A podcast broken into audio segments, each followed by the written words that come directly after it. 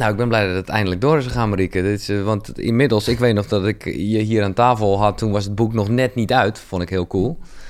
Maar ja, het is inmiddels al even uit. Ja, Maar je bent, want je, had je, je had toch geen corona of eh, wel? heb ik wel twee keer gehad. Oh, oké. Ja, ja, ja. Oké. ja. Nee, maar ik had geen corona. Maar Nee. je bent hier. Ik ben er. Dat is duidelijk. Marieke I van here. Precies, I am. precies.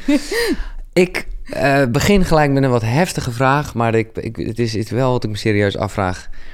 Ben jij dankbaar dat je op je zestiende van je Honda tegen een lantaarnpaal werd geslingerd eh, met 80 km per uur?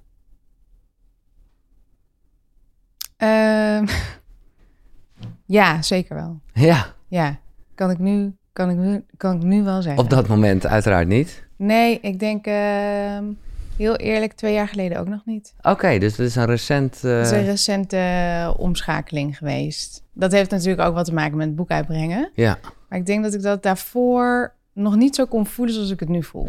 Oh, maar dat is opvallend, want jij hebt eigenlijk een groot gedeelte van dit boek Rise acht jaar geleden geschreven. Ja. Toen was je er dus nog niet zo relaxed over. Deel 1, nee, zeker niet. Nee. Nee, een deel 1, eh, wat dus eigenlijk he- helemaal gaat over de bijna doodervaring en over in het ziekenhuis Het ongeluk, ja. Liggen. Eh, dat heb ik eigenlijk acht jaar geleden geschreven. Dat zijn ook de allereerste woorden die ik er ooit aan gegeven heb. Oh, wauw. Dus ik heb er nooit over gesproken en er ook nooit over geschreven. Dus dat was voor mij eigenlijk wat jullie allemaal lezen en wat de lezers ook lezen. Ja. zijn eigenlijk de allereerste rauwe, Rauwe, ja. woorden Hmm. die ik er ooit aan gegeven heb. En de- met de eindredactie is daar ook eigenlijk niks aan veranderd. Nee, maar, maar dat voel je ook wel in ieder geval trouw eh, eraan. Ja. Maar kan je uitleggen wat jou dan recent het inzicht heeft gegeven van... hey, ik ben dankbaar voor het feit dat ik dat ongeluk en, en daarmee de bijna doodervaring gehad heb? Nou, er zijn eigenlijk verschillende componenten. De, de, de ene stuk wat er al veel langer dankbaar voor was, was het sp- spirituele. Dus het, eh, het spiritueel, eh, het, hele diepe spirituele me- meemaken van eigenlijk waar het leven eigenlijk om gaat. Leven of dood. En als je dan dood bent geweest en je komt weer terug, dan Weet je van, het gaat dan, om... eh, ja, leven- weet je wel. ja. Ik bedoel, er zijn natuurlijk best wel wat mensen die dat na kunnen vertellen, maar er zijn ook heel veel mensen die dat niet na kunnen vertellen. Dus het is eigenlijk een van de, is, is een van de heiligste dingen die je mee mag maken in je leven. Dus op een spiritueel niveau was ik daar heel dankbaar voor. Maar zeg maar, Marieke van 16 was er eigenlijk helemaal niet zo dankbaar voor. Want die vond het gedoe of... eh, Eh, nou, die gedoe, die, eh, die, vond het, die vond het echt heel erg eng. ja. Maar waarom is dat dan recent... Is dat verdampt? Nou, omdat ik in eerste instantie altijd als een soort verhaaltje vertelde. Ja, ja. Zonder gevoel. Zonder gevoel, ja, nee, ja. oh ja, ik heb op mijn... eh, hè, mensen vro- vroegen dan op een gegeven moment wel eens van... ja, hoe komt het dat je zo wijs bent? Of eh, hè, allemaal van dat en dan zei ik, nou... en dan tussen de neus en lippen door zei ik dan... ja, ik ben ook een keer om mijn zestiende bijna dood geweest. En dan wa- was de reactie van de mensen altijd wel van... Oké, Mm, ja. zeg ja, je, heb ik meegemaakt. Ja, wat had je dan? En dan noemde ik die hele riedel op. Feiten, ja. Maar er was niet echt een soort, eh, in wezen, een heel diep contact eigenlijk met mezelf, met dat stuk. En ik denk ongeveer een jaar geleden, twee jaar geleden ben ik wel, heb ik de ballen gehad eigenlijk, om het even zo te zeggen, om ehm, het, eh, het stuk van bijna doodgaan te herbeleven. En dan als Marieke van nu, maar ook als de Marieke van 16-jarige. En daarmee dus ook even die angst te voelen en daarmee nou ja, weg te laten gaan. Ja, en ook door de, ehm, door de, door de blinde paniek en door de, ja, hoe zou je dat eigenlijk zeggen? Hè? Een soort ehm, enorme rankineus, gewoon eh, blinde zwarte woede. Gewoon Ten opzichte van? Van waarom is mij dit gebeurd? Ja, ja. Omdat er natuurlijk ook een totaal groot sociaal, emotioneel stuk erachterna is gekomen. Hè? Ik bedoel, op je zestiende zoiets meemaken is gewoon een enorme uitrekker voor alles wat je bent. Maar zo boos zijn. Ja. En ook boos zijn ehm, naar de mensen in mijn omgeving die er nooit naar gevraagd hebben. Dus dat zijn allemaal potjes die dicht zaten. En als de ene pot open gaat, gaat de rest ook wel mee. En dat was voor mij uiteindelijk een soort cirkel eh, van blinde woede. waarin ik echt... ehm, ja, het liep te schreeuwen ook gewoon. eh, fuck everybody, weet je wel. Ik mag, mag ik hier het woord fuck Ja, gebruiken? ja. Want dat gebruik ik nog wel eens. Ehm, en uiteindelijk, zeg maar, in die cirkel... het uiteindelijk tegen mezelf kunnen zeggen... sorry, Marieke, dat ik je dit heb aangedaan. En maar wat heb- heb je jezelf dan aangedaan? uiteindelijk heb ik het mezelf natuurlijk ook aangedaan dat ik niet ben gaan praten, Ja, eh, ja, niet open ben geweest, maar ook ehm, sorry tegen de buitenwereld zeggen. Sorry dat ik dit gedaan heb, hè, terwijl het een ongeluk is geweest. Maar niet sorry tegen mezelf kunnen zeggen. Oké. En dat is natuurlijk een vorm van waar we de, in deze maatschappij tegenwoordig heel veel over hebben, is zelfliefde. Maar Mhm. wat is nou eigenlijk echt zelfliefde? En daar zit dus ook, vind ik, een mooie eh, extra laag eraan geven. Daar zit dus ook, je zelfliefde is ook jezelf vergeven. Ja, sorry, maar echt het ook helemaal kunnen voelen, weet Ja. je wel? Met eh, het kwijl hangend uit mijn mond en mijn ogen. Ja, ja, ja. En echt eh, zonder er ook maar over na te denken. Dat kwam uit zo ontzettende diepe tunnel van... I am so sorry. Het spijt me zo enorm. En dat je dat zo kan voelen, dat, dat heeft mij vrijgezet. Maar ik vind het opvallend om er toch even dat je toch wel realiseert dat iedereen nog zo'n masker op kan hebben. Want jij bent van de bewustzijnsschool. Ja. Dat loopt al veel langer. En Ja, nou, toen ik voor het eerst met jou en je werk en je, je, je Instagram sessies en zo in aanraking kwam, dacht ik echt, oh, wat een rust. ja. Maar als ik je nu zo hoor, dat is echt wel langer dan twee jaar geleden. Ja, maar dat is natuurlijk niet één wat het een en het ander uitsluit. Hè? Nee, dat begrijp ik. Dus maar, het is een soort ehm, alomvattende rust, of eh, hè, wat mensen dan ervaren. Maar ehm, als er wel degelijk wat gezegd wordt, wat naar de bijna doodervaring zou gaan, zou ik daar complete stress van krijgen. Ja, ja, ja. Maar dat onderwerp vermeed je dan ook. En daar heb ik je inderdaad ook nooit... Ja, daar werd ook eigenlijk nooit naar gevraagd. Nee. Dus Is, dat, is dat een eh, angst van mensen? ik geloof van wel. In ieder geval in mijn nabije omgeving zeker wel. In mijn nabije omgeving. Dat ik me voor kan stellen, ja, weet je... eh, als ik een vriendin zou hebben die dat heeft meegemaakt... Ja, ik zou fucking nieuwsgierig zijn, denk ik. Ja, maar ik denk dat het de tijdsgeest anders ja, was. Ja, zo, ja. En ja bij bent- ons was er, je hebt natuurlijk ook een soort eh, systeem waar je in hangt. Bij mij in de familie was het echt een soort systeem van nou, we praten er niet over. We doen net alsof het niet gebeurd is en we gaan weer met z'n allen verder. Ik had destijds een vriendje, Pieter heet hij, die vroeg er ook niet naar. Die dacht ook gewoon van nou, oké, het gaat beter. Dus van de intensive care af, we gaan weer, we gaan weer verder. Maar dat verder gaan voor mij was er gewoon niet. Nee. Nee, ja, en je hebt jezelf natuurlijk ook op je zestiende... Je hebt het zelf ook natuurlijk wel even in de ijskast gezet. Ja, Eh, Maar dan... eh, Zit Bewust. ja, zit, is het nog wel aan het borrelen natuurlijk. Ja, dus je hebt de ene kant wat wel helemaal open is, het, het, het spirituele. Of de Ja. weg is eigenlijk vrijgemaakt. Hè? Het is gewoon, eh, je pakt je auto, je hebt een nieuwe snelweg gevonden... en ehm, die kan je elke dag afrijden, als het ware. En, en je, je zet één, één weg gewoon dicht. Ja. Weet je, van oké, nou... en ik, het, het, het omgaan met de heftigheid van gevoelens destijds. Ja, als je dat niet geleerd wordt, en het was mij niet geleerd. Ja, het enige wat ik wist was van hup, schouders stonden en we gaan weer door. En dat is zeg maar wel wat natuurlijk uiteindelijk alles kost. Energie en eh, ja, geluk, ja. Ja, Maar jij zegt dus eigenlijk, want dat vroeg ik me al af, eh helderziend, heldervoelend, ge- eh, nou, whatever, hoe noem jij het zelf? Gave? ja ik greep het eigenlijk niet echt. Nou, Nee. nee. Nee, maar in ieder geval dat. Ja. Hoor ik jou nou zeggen dat dat eigenlijk dat luikje geopend is na het ongeluk, of was dat er altijd al? Dat was er altijd al. Nee, precies. Ja, Nee, maar daarom snap ik niet helemaal wat je net zegt. Omdat je, ja, je hebt het over een weg die erbij is gekomen sinds het ongeluk. Maar dat is de- wel- welke weg is dat dan? nou, het is eigenlijk een soort versneller. Mm. Oké. Het is zeg maar een soort de gear, om het zo te zeggen. En er is wel, als je natuurlijk bepaalde dingen eh, die iedereen al heeft meegekregen vanaf de geboorte, maar je bent al de hele tijd dat soort dingen aan het doen en dan komt en, en, en, je, en je, je wereld is dit en er komt op een gegeven moment een hele andere, grotere wereld nog bij, Ja. wat naast die andere wereld leeft.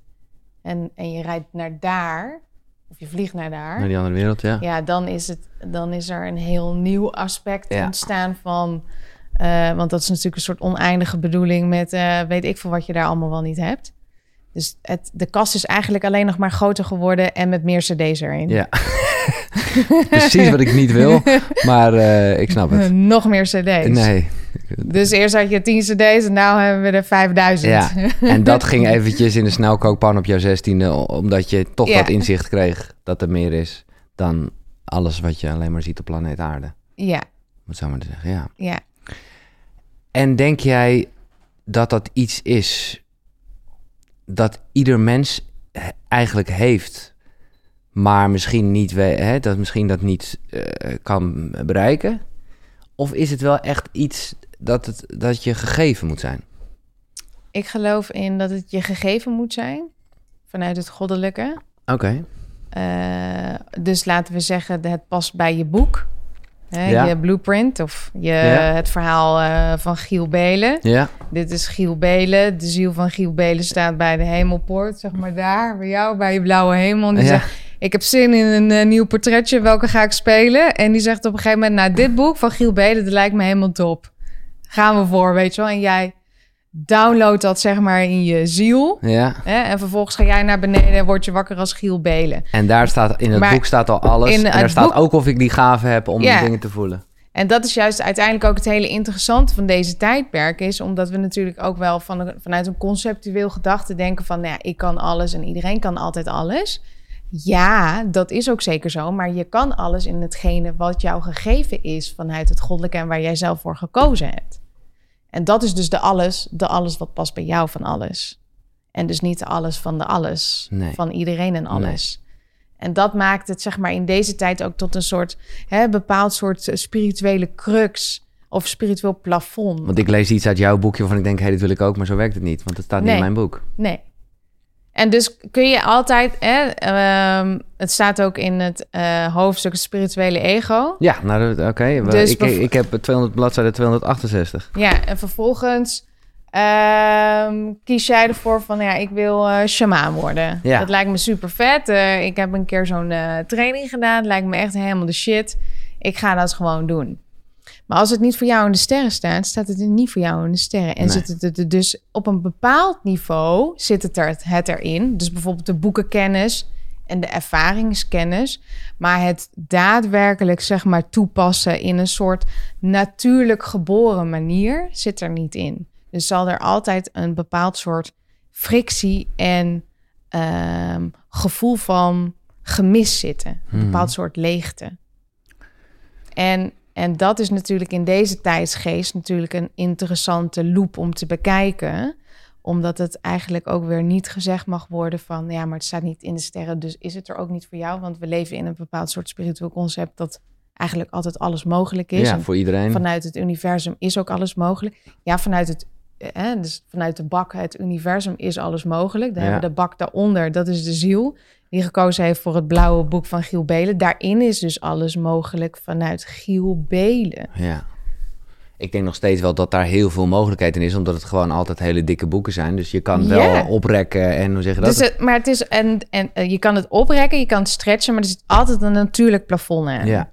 En het is dus de zaak om te kijken van... oké, nou, dit is er tot een bepaald plafond voor mij... maar wat is er dan wel voor mij? Wat, zeg maar, eh, mensen vinden het niet eh, spiritueel sexy om te zeggen... Hey, ik kan helder proeven. Ik krijg informatie uit taart wat ik eet gisteravond. Weet je wel, dat staat, eh, heeft minder cachet of Ja. zo, weet je wel. Maar ja, misschien heb je het wel Maar en is- jij geniet ervan. Doe, ja, doe maar mee. dat zit wel in jouw boek. En Ja. dat, dat is dus hè, vanuit het goddelijke en vanuit de zielsbestemming wel de bestemming die jij zelf gekozen hebt. En is het dus ook hetgene wat jij ten volste kan uitdiepen en ten volste mag gebruiken. Maar hoe voel je dit zo? Want ik kan me voorstellen dat het ook... Nou, het is best bij de hand, namelijk om te zeggen... ja, ik heb iets eh, dat jij nooit zal krijgen. Ik weet niet of dat bij de hand Nou, dat is. vind ik wel- wel bij de hand. Maar ik vind het mooi, want je zegt dat je, je bent ervan overtuigd. En ja, ik, maar hoe ben je er zo overtuigd van? Ja, ik geloof sowieso door duizenden mensen ontmoetingen.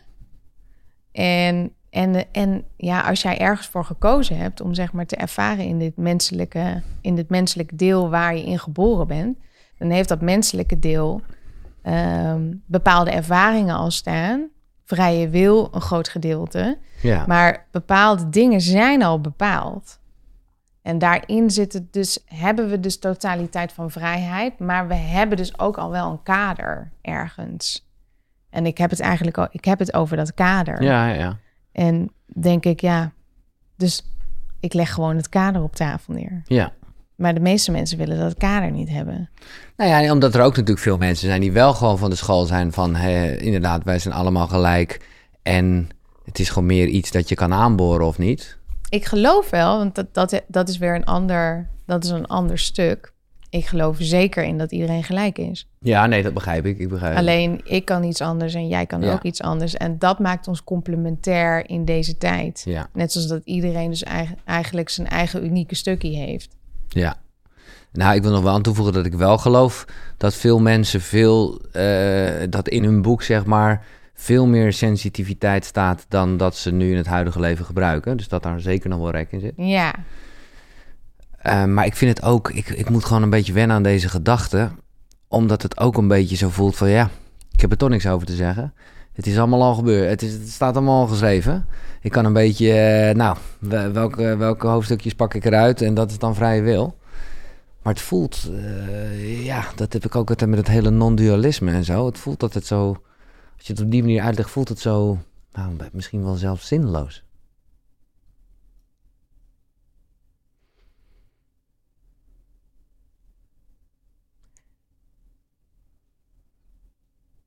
Ja, ik zou zelf zoiets hebben van... Dan is er dus een enorme spanwijdte aan... Ja, Mogelijk, vrij leven. Ja, ja binnen de Een kaders. soort in- interne rust. Ja. Maar ja, rust, is zitten we daarop te wachten? Ja. Ik geloof van wel. ja. Vooral in deze tijd. Nee, dat is toch niet wat... Dat, Maar het is, het is toch- uiteindelijk is, het, is het eh, de rust. Ik denk ergens, of ergens is er rust in het midden van de chaos. ja, oké. En we zitten in de, in de chaos, om het even ja, ja. op de tafel te leggen. En het is dus steeds ons, onze zingevende impuls om dus een bepaalde vorm van thriving te hebben in the differency of all people. Oké, ik ben heel slecht in Engels. Wat is het? Zijn we, zijn we oké met het feit van dat iedereen anders is en we zijn gelijk en kunnen we dan linken aan elkaar en daarop thriven? En dat is denk ik, of denk ik, dat is zeg maar hè, de motor waar we momenteel in zitten. Kunnen we zeggen, een, kunnen we open en nieuwsgierig naar elkaar zijn? Kunnen we open gesprek hebben? Hè, jij zegt net, ik vind het bij de hand. Nou, je mag het bij de hand vinden en we gaan gewoon verder Nee, met het ja, gesprek. precies, maar er verandert niks in de energie aan Nee, tafel. Nee, Hè, dus nee mooi. het doet niet af, het doet niet meer. Het is gewoon dezelfde eh freaking line. Ja, we zijn gelijk, maar wel verschillend. Ja, en daarin hebben we allemaal andere dingen. Maar kunnen we elkaar dan oplijnen daarin? Of inlijnen of aanrijgen? Maar God mag weten hoe je dat allemaal moet noemen. En Maar- kunnen we dan vervolgens ook daarin thriven? En dat is eh En wat, wat is de Nederlandse vertaling van thriven? thriven. Ja, Versterken. kunnen we, ja, kunnen we elkaar meenemen. Ja, kunnen we elkaar meenemen, Ja, ja, ja. ophogen, Ja, weet ja, je ja, wel? precies. dat. Ja, mooi. En dat is de casus, geloof ik. Van, en, dan, en dan hebben we dus bijvoorbeeld, om aanhakend op, eh, op het feit van... eh, oké, nou, maar iedereen kan toch altijd alles. Maar we hebben geen ene fucking kloot aan 500 miljoen Die- eh Giel Belen... Nee, of nee, 500 nee, miljoen nee. Naomi's, die is het dikke of Marieke van Meijeren, weet je wel. Want het is uiteindelijk dus onze taak om complementair aan elkaar te zijn. In plaats van naar elkaar te kijken, ik wil ook zijn als eh, Sophie en als... eh, Oké, maar een grootste vraag. Maar ik ben benieuwd eh, of je er, ons daarbij kan helpen. Hoe weet je wat je taak is? Ja, ehm, dat is hoe weet je wat je taak is. Dat gaat meer eigenlijk om het feit van kan je zeg maar al je ruisdingen om je heen. Uitzetten of kunnen ja, onderdrukken? eh, hoe weet je? Ik wist het ook niet. Het is, bij mij is het een ervaring geweest. Ja, bedoel, toen ik 16 was en doodging, dacht ik ook niet toen ik terugkwam van, nou, hier ga ik eens even lekker mijn levensmissie nee, maken. nee, nee, nee. Ehm, alles behalve dat. en, ehm, maar het is, het, het, het is een ervaring die je uiteindelijk moet gaan krijgen. In plaats van dat het, dat het uit, uiteindelijk uit, uit een soort van weten moet komen. Van, oh ja, dit, dit, lijkt ik, dit vind ik tof. Hè, meestal komt het al wel Ja, voort Het uit. heeft geen zin om lijstjes te maken. Tenminste, misschien kan het je helpen, maar... eh, het- je- het is een soort het revelation. Ja, eh. Een openbaring. Ja. En was dat bij jou een beetje op je 27e? Ja, Relatie was klaar, het een eigen huis. Op zich, op papier was het allemaal top. Ja. En toch was daar, ja, ontevredenheid, of hoe moet ik het noemen? ja een soort... eh, Nou ja, wat je ook schrijft met het spirituele ego, dat, je gewoon, dat het gewoon niet goed voelt. Ja, het is, ja, het is een soort ja, niet leegvat, maar oké, ik heb, ik, ik, eh, ik ben zelfstandig, Ehm, ik kan goed voor mezelf zorgen, ik ben goed met mezelf, ik ben oké met mezelf. Ik heb mijn eerste bedrijf, het was een eh fotoshootingbedrijf in Amsterdam. Ehm, merkte aan het feit dat ik daar met alle mensen altijd wel een bepaald soort gesprek had, heel diep gesprek. En ehm, in mijn bedrijf heb ik uiteindelijk ook mijn helderziendheid en die dingen. Oh, natuurlijk wel met toestemming. In het fotobedrijf. In het fotobedrijf heb ik dat uiteindelijk geoefend met euro's, met fysicistes. Dus dan gaf ik iemand een hand en dan las ik iemand en dan ging die naar de fysiciststoel. En dan zei ik, voordat ze ging praten met de fysicisten, zei ik tegen de fysicisten dit, dit, dit, dit, dit. En dan als ik het verkeerd had, de 80%, dan moest ik een euro betalen. En anders die other way around. Zo kreeg ik al mijn euro's, zo verdiende ik mijn geld. en uiteindelijk heb ik dat, denk ik, ik heb dat een tijd gedaan hoor. Ik denk anderhalf jaar of zo. Zelf een beetje uitgevogeld En eigenlijk. toen dacht je, oh, ik moet hier echt iets mee doen. En eh, nee, eigenlijk ook niet. Oh. Nee, ik was wel heel erg vast in. ehm, eh, kijk, joh, ik was, eh, ik denk, ik was eh, 30 en toen ging ik in mijn eentje reizen in Spanje. En dan moest ik een avond van tevoren, moest ik toch even bij mijn moeder en mijn schoon, eh, mijn stiefvader komen omdat ze dachten toch echt dat ik ging zweven en zo. En dan ging ik gewoon, ik ging gewoon hiken. Hè? Ik bedoel, ik ging niet naar een klooster of ik ging, ik zat te kijken of ik de Compostela route een stukje kon meepakken, weet je wel. That's the fuck it. Dat was Ja. het gewoon. Ja. Dus dat, dat, dat tikte natuurlijk bij mij wel een soort oud verhaal aan van... oh, wacht even, weet je wel, dit gevoel ken ik eigenlijk wel. Dit heb ik natuurlijk vroeger ook best wel veel gehad. Van oké, hier praten we dus niet over. Dus hier gaan we dus niet over praten. En dat heeft eigenlijk niet iets bij mij aangezet en ook niet gedaan. Ook niet gedacht van hier ga ik wat mee doen. En ik heb ook nooit zoiets gehad van ik moet zoeken naar mijn life purpose. Er is nooit zo'n Nee. ehm, neediness geweest. Omdat ik gewoon altijd wel een enorme vrijheid in mijn creativiteit gevoeld heb. Omdat ik op mijn 25ste afstudeerde. En het enige wat ik voelde en dacht was een soort van interne blijdschap. Klaar met die school. Fuck, dit is nou my time, Ja, ja, weet ja. je wel? En die energie, die heb ik zo... Ja, die heb ik tot vandaag de dag nog, Nee, weet top. je wel? Dus dat is... Maar wat was dan toch jouw revelation voor, voor nou ja, de bewustzijnsschool en gewoon, nou ja, eh, wie Marieke van Meijer nu is? Hoe? Ja, dat is voor mij is dat een spirituele ervaring geweest. Dat was in Spanje. En dat kan je aliens noemen of gidsen of eh, god mag wat je er allemaal op mag plakken, maakt me allemaal niet zoveel uit. En dat is s'nachts is dat geweest. En toen heb ik echt urenlang een soort eh, ja, downloads gehad en eh, beelden. Ik ben heel erg Visueel. visueel. Ja. Dus ik zag allemaal beelden. En, toen, en het enige wat ik toen dacht was... Ja, ik ga toch niet echt... Ik ga toch geen website beginnen over bewustzijn en spiritualiteit. Mijn ouders zien me aankomen, weet je wel? Dat. En, daarmee was het klaar. Voor mij was dat klaar. Dus dat was voor mij gewoon... Eigenlijk voor, meeste, me- voor de meeste luisteraars is het misschien ook interessant. Voor mij was dat dus een nee tegen mijn roeping. Omdat de nee nog te veel vasthield aan de waardering van mijn ouders. Ja, dus met het fa- familiesysteem wat je daarin een beetje beperkte. Ja, Terwijl, en ik denk, ik, en, en, ehm, en toen heb ik een tijd in Costa Rica gewoond. Daar heb ik voor het eerst eh, aan de hand van mijn boek, dit boek ook. ja, je hebt, het, boek- eh, je- hebt één boek meegenomen van de drie boeken waar we straks op komen. En ik zie Ja. hier de cursus in wonderen. En ehm, hier werkte ik mee in Costa Rica. En dan hadden we een verscheidenheid aan casussen met mensen van casus van zelfdoning, van casus van psychotisch, bipolair, eh, mensen die depressief zijn, noem alles maar op. En daar werkte ik als ehm, eerste instantie als vrijwilliger en toen uiteindelijk als begeleider om mensen weer te herinneren dat ze in wezen wel iets anders zijn dan hetgene wat ze dragen. En dat is een enorme helende ervaring geweest, maar ook voor mezelf.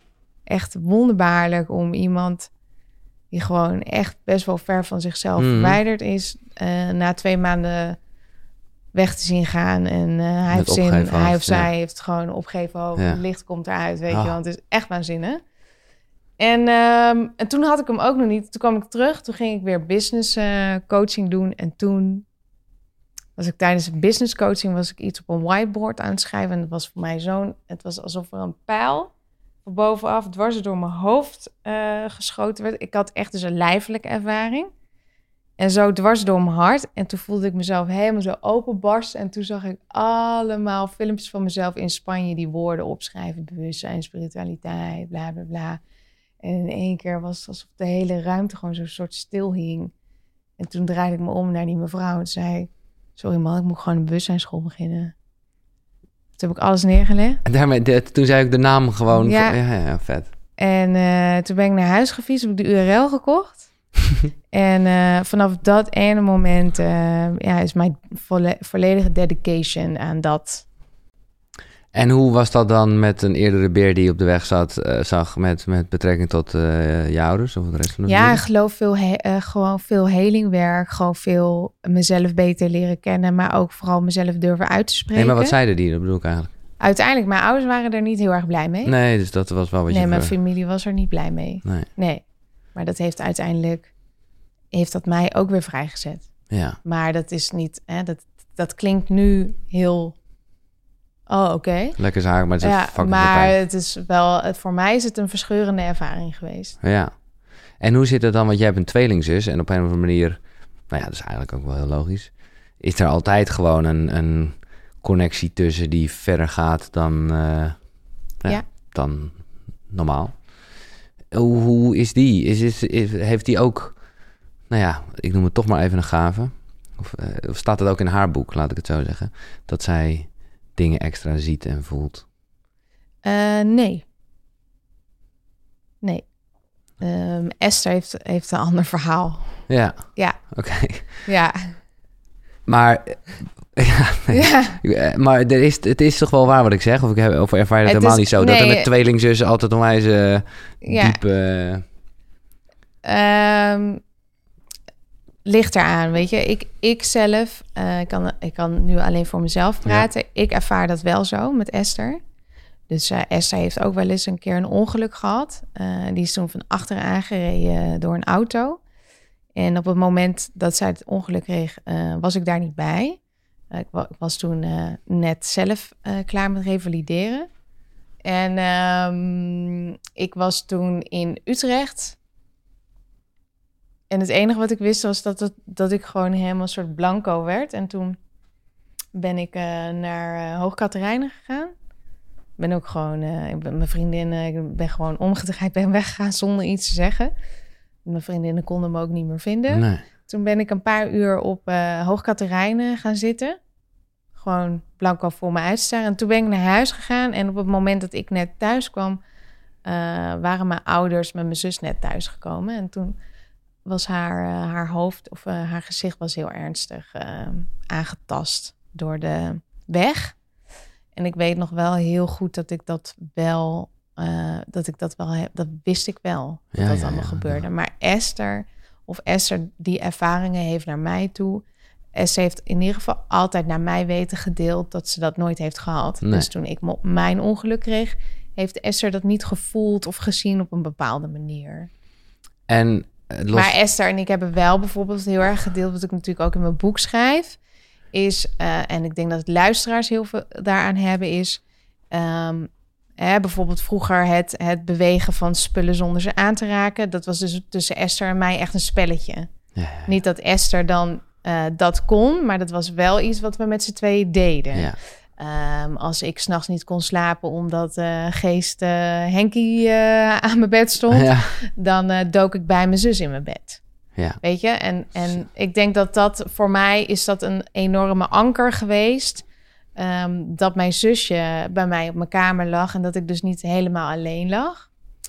Uh, maar ook een hele ranch aan uh, leuke en toffe gebeurtenissen. Dat ik dat, dat dan tegen Esther zei. En dat je dan natuurlijk met z'n tweeën enorm veel lol hebt. ja, want toen stond ze er ook of staat... Uh, stond, ze- uh, stond, toen stond ze er wel echt voor open. Ja, maar Ja. toen jaren later jij die bewustzijnsschool begon en die ervaring op Costa Rica en zo had gehad. Hoe, hoe stond zij er toen en je broer, hoe sto- hoe stonden die in? Want je ouders vonden het dus zwaar, maar je, ja, broers en zussen zijn ook altijd wel essentieel.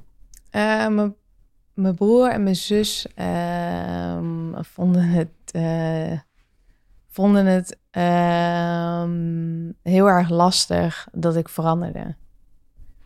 Dus de- we speelden natuurlijk met z'n drieën ook een bepaald soort spel. En eh, iedereen had daar een rol in. En als iemand op, uiteindelijk stopt met het spelen van een rol, dan ehm, is dat een, een enorme chaotische bedoeling. En dat werd het ook bij ons drieën. En ehm, uiteindelijk heeft dat ook wel geleid dat ehm, ik, ik, op de, ik nu momenteel wel eh, contact heb met mijn zus. Maar ik heb het er nog niet gezien. Maar wij komen wel van een, een periode van vijf jaar dat we elkaar Ja, niet gezien en gesproken hebben. En, en hetzelfde geldt voor mijn broer. Hebben ze het boek wel gelezen? Nee. Nee? Nee. Nou ja, tenminste, dat weet je dus niet. Nee, dat weet ik niet, maar ik geloof van niet. Nee. Maar dat vind ik wel, wel heftig. Ja, ik, ik ken niet ehm, zozeer. Ik ben niet echt opgegroeid met ehm, ehm, de volle motivatie of de aanmoediging of de, de onvoorwaardelijke steun hebben van een bepaald soort warm nest. Nee. nee, nee. En dat heeft zich wel geuit op andere manieren.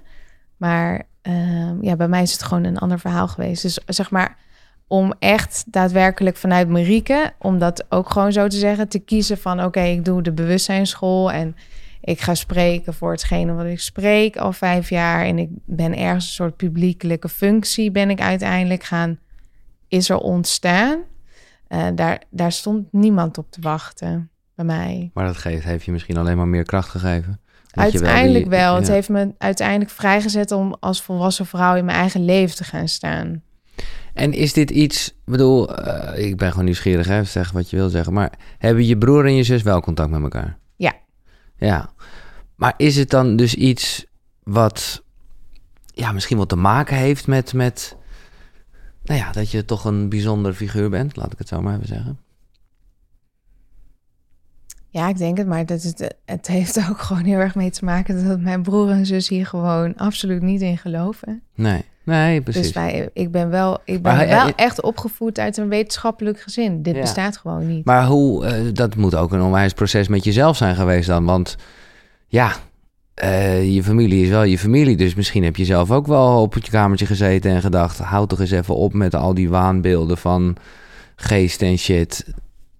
Dat heb ik nooit gehad. Ik heb altijd gevoeld vanaf eh, het moment, mijn eerste momenten dat ik zulke soort ervaringen heb gehad. En dan moet je, als je, als je, als je nul bent eh, of één en je begint op je tweede, eerste, tweede levensjaar echt een beetje bewust mee te maken wat het allemaal inhoudt en wat het doet. Ik heb me daar, no ik heb me daar niet ehm in gevoeld van dit bestaat niet of Nee, dit is je er hebt er zelf nooit aan getwijfeld. Ik heb er nooit aan fijn. getwijfeld. Voor mij was het altijd hetzelfde als een soort glas thee Het is drinken. Het is er gewoon. er. Alleen andere mensen zien het niet. Alleen sommige mensen zien het wel, so- sommige mensen zien het niet. Ja, ja, ja. Alleen het heeft natuurlijk wel ehm, voor een totale isolatie gezorgd. Precies. Omdat eh, uiteindelijk er eno- enorm veel stress ook vrijkwam in de familiesferen toen ik twee, drie jaar oud was. En door de eh, hooggevoeligheid, of hoe je dat allemaal wil noemen, eh, ben ik die eh, stress ook gaan reguleren voor iedereen. En dat is, dat is natuurlijk, ja, Niet echt iets wat je op je tweede hoort te doen. Nee. Nee, en ehm, dat is wel een dingetje, weet je wel. De verantwoordelijkheid nemen voor anderen. Sta ik zelf ook helemaal niet relaxed in mijn eigen verhaal, Marieke. Hè? Dus dat heeft dat, dat en het niet kunnen echt durven uit te spreken, omdat ik me niet veilig voelde om mezelf te kunnen uiten over... hey, hey, er staat een Henkie bij mij aan de bed Ja. Heeft wel voor een isolement gezorgd. Maar in die isolement, zeg maar, ben ik nu vrij. En dan komen natuurlijk nu ontzettend veel mensen naar me toe... die ofwel mijn boek gelezen hebben... of die ergens een talk of iets horen. ja. Van wow, maar eigenlijk herken ik heel veel van jou vroeger. Ik had vroeger ook eh, dit, of ik voelde dit, of ik zag dit... of ik hoorde stemmen, of noem alles maar op. En daar heeft iedereen een eigen reis in. En uiteindelijk gaat het er toch om dat we dat op de tafel kunnen leggen. En dat er dus uiteindelijk dus ook nog een hele andere realiteit bestaat dan degene die hier zit en er door de microfoon aan het praten is. En de meeste mensen pra praten, uit, praten uit spiritualiteit over de, hè, het, het absolute of uh, de kosmos of Ja, hetgene ja. waar we allemaal van gemaakt zijn. Maar dan heeft het er nog steeds mee te maken. Kan ik dat op een bepaalde manier met mijn lichaam of met mijn bepaalde, hè, met mijn ziel of mijn hele energiesysteem, kan ik dat dan op een bepaalde manier tot me nemen? Ja. In plaats van er afstand van te nemen, het ook echt ja, te kan, ik, voelen het, dat je... kan ik er verbinding mee Ja, maken? ja. En dat betekent dus ook weer, ja, maar mensen die dan mij weer mailen van, ja, hè, let, eh, hoe kan jij functioneren, Marieke? En je hebt gewoon een aan- en uitknop. Weet je wel, een meesterschap in ontwikkelen. Ja. En, en als je een aan- en uitknop hebt, dan kan je dus heel gericht en gefocust je energie gebruiken. Dus hè, ben ik hier hè, aan de tafel, ben ik gewoon Marieke. En als ik een sessie heb of zo, dan klik ik aan op de ander. En Ja. dan voep, en dan gaat het andere aan. En dat, dat heb- hebben heel veel mensen niet helder. We hebben ook een keus wat betreft het hele spirituele. Met waar wil ik verbinding mee leggen of niet. In plaats van dat het ons gewoon maar Overkomt. overkomt. Hmm. Oh, Alien X staat eh, bij mijn bed. Oh ja, ik dacht, eh, ik doe maar even mijn veld open. Ik plug even in. En, Nee, ja, eh, oké, jij zegt het nu zo grappig. Maar kijk, wat we lezen in, in Rise, wat, waarbij hè, het ongeluk, de bijna doodervaring wel een soort, nou ja, haakje is. Ja. Het is, het is, je hebt het een spirituele autobiografie genoemd. En wat ik mooier vind is een zielactivatieboek. Want dat maakt het ook voor mij als lezer interessant. Maar daar omschrijf je wel hoe er een, een oude man met witte kleren en witte haren en een ronde bril eh, contact met jou heeft. Ja, daar heb je niet voor gekozen op dat moment. Dat was, sterker nog, jij dacht dat hij in het ziekenhuis werkte. En op het einde kwam je erachter dat die hele gast er helemaal nooit geweest was. ja. Wat echt, sorry voor deze spoiler, maar het blijft nog steeds leuk om te lezen. maar dus dat is dan wel, ja, dus dan, is dat, dan overkomt je dat wel een beetje. Ja, je hebt dat niet zelf gekozen. Het was niet dat je op dat moment de stekker erin stopte van een, Nee, de stekker zat er al in. Ja, zo. en dat is het verschil. ja. De stekker met die man zat al in. Want uiteindelijk zijn er ook herinneringen gekomen van hem al met mij met vroeger. Ja, En uiteindelijk, als we dan nog meer de stekker erin, hè, de volumeknop iets harder zetten tussen mij en hij, hij heet uiteindelijk Sardena, eh, komt het er eigenlijk uit voort dat hij en ik al eh, eeuwenlang met elkaar een, eh, een reis hebben hier op de aarde. De ene keer ben ik de gids of de beschermer en the other way around. Dus weet je wel, de, de stekker zit er altijd in. Ehm, alleen op mijn zestiende was het een soort, weet je wel, het Ja. Een, open, een heel open verhaal. En, en wat is dan de laatste keer, ik weet niet of ik het zo moet zien of kan zeggen, maar dat je contact hebt gehad met Sadena? Ja, elke dag wel. Elke ja. dag wel Net in de auto, denk ik. Ja, oké. Ja. En is dat dan ook zo visueel als dat jij in ieder geval in je boek omschrijft? Dan zie je ook echt... Mm, Nee, het is, het is zeg maar nu veel ehm, in, meer in sfeer. Ja, ja, oké. Het is meer een sfeer. Dus het kost ook voor de sfeer ehm, qua densiteit of van energie. De meeste mensen denken dat van niet. Maar om zeg maar als iemand overleden is of in een andere sfeer verblijft, kost het dus ook wel degelijk aan de andere kant energie om uiteindelijk zich toonbaar te maken tot hetgene waarvan we dus denken, oh ja, dat is mijn moeder of dat is mijn opa of Mhm. dat is mijn. Het Dat kost energie voor diegene. het kost energie voor diegene Ja. om zeg maar de vorm aan te nemen. Ja, dus dat doe je ook niet zo vaak. Nee, dus je kunt op verschillende niveaus, Ja, in verschillende sferen, weer contact maken met iemand die overleden is.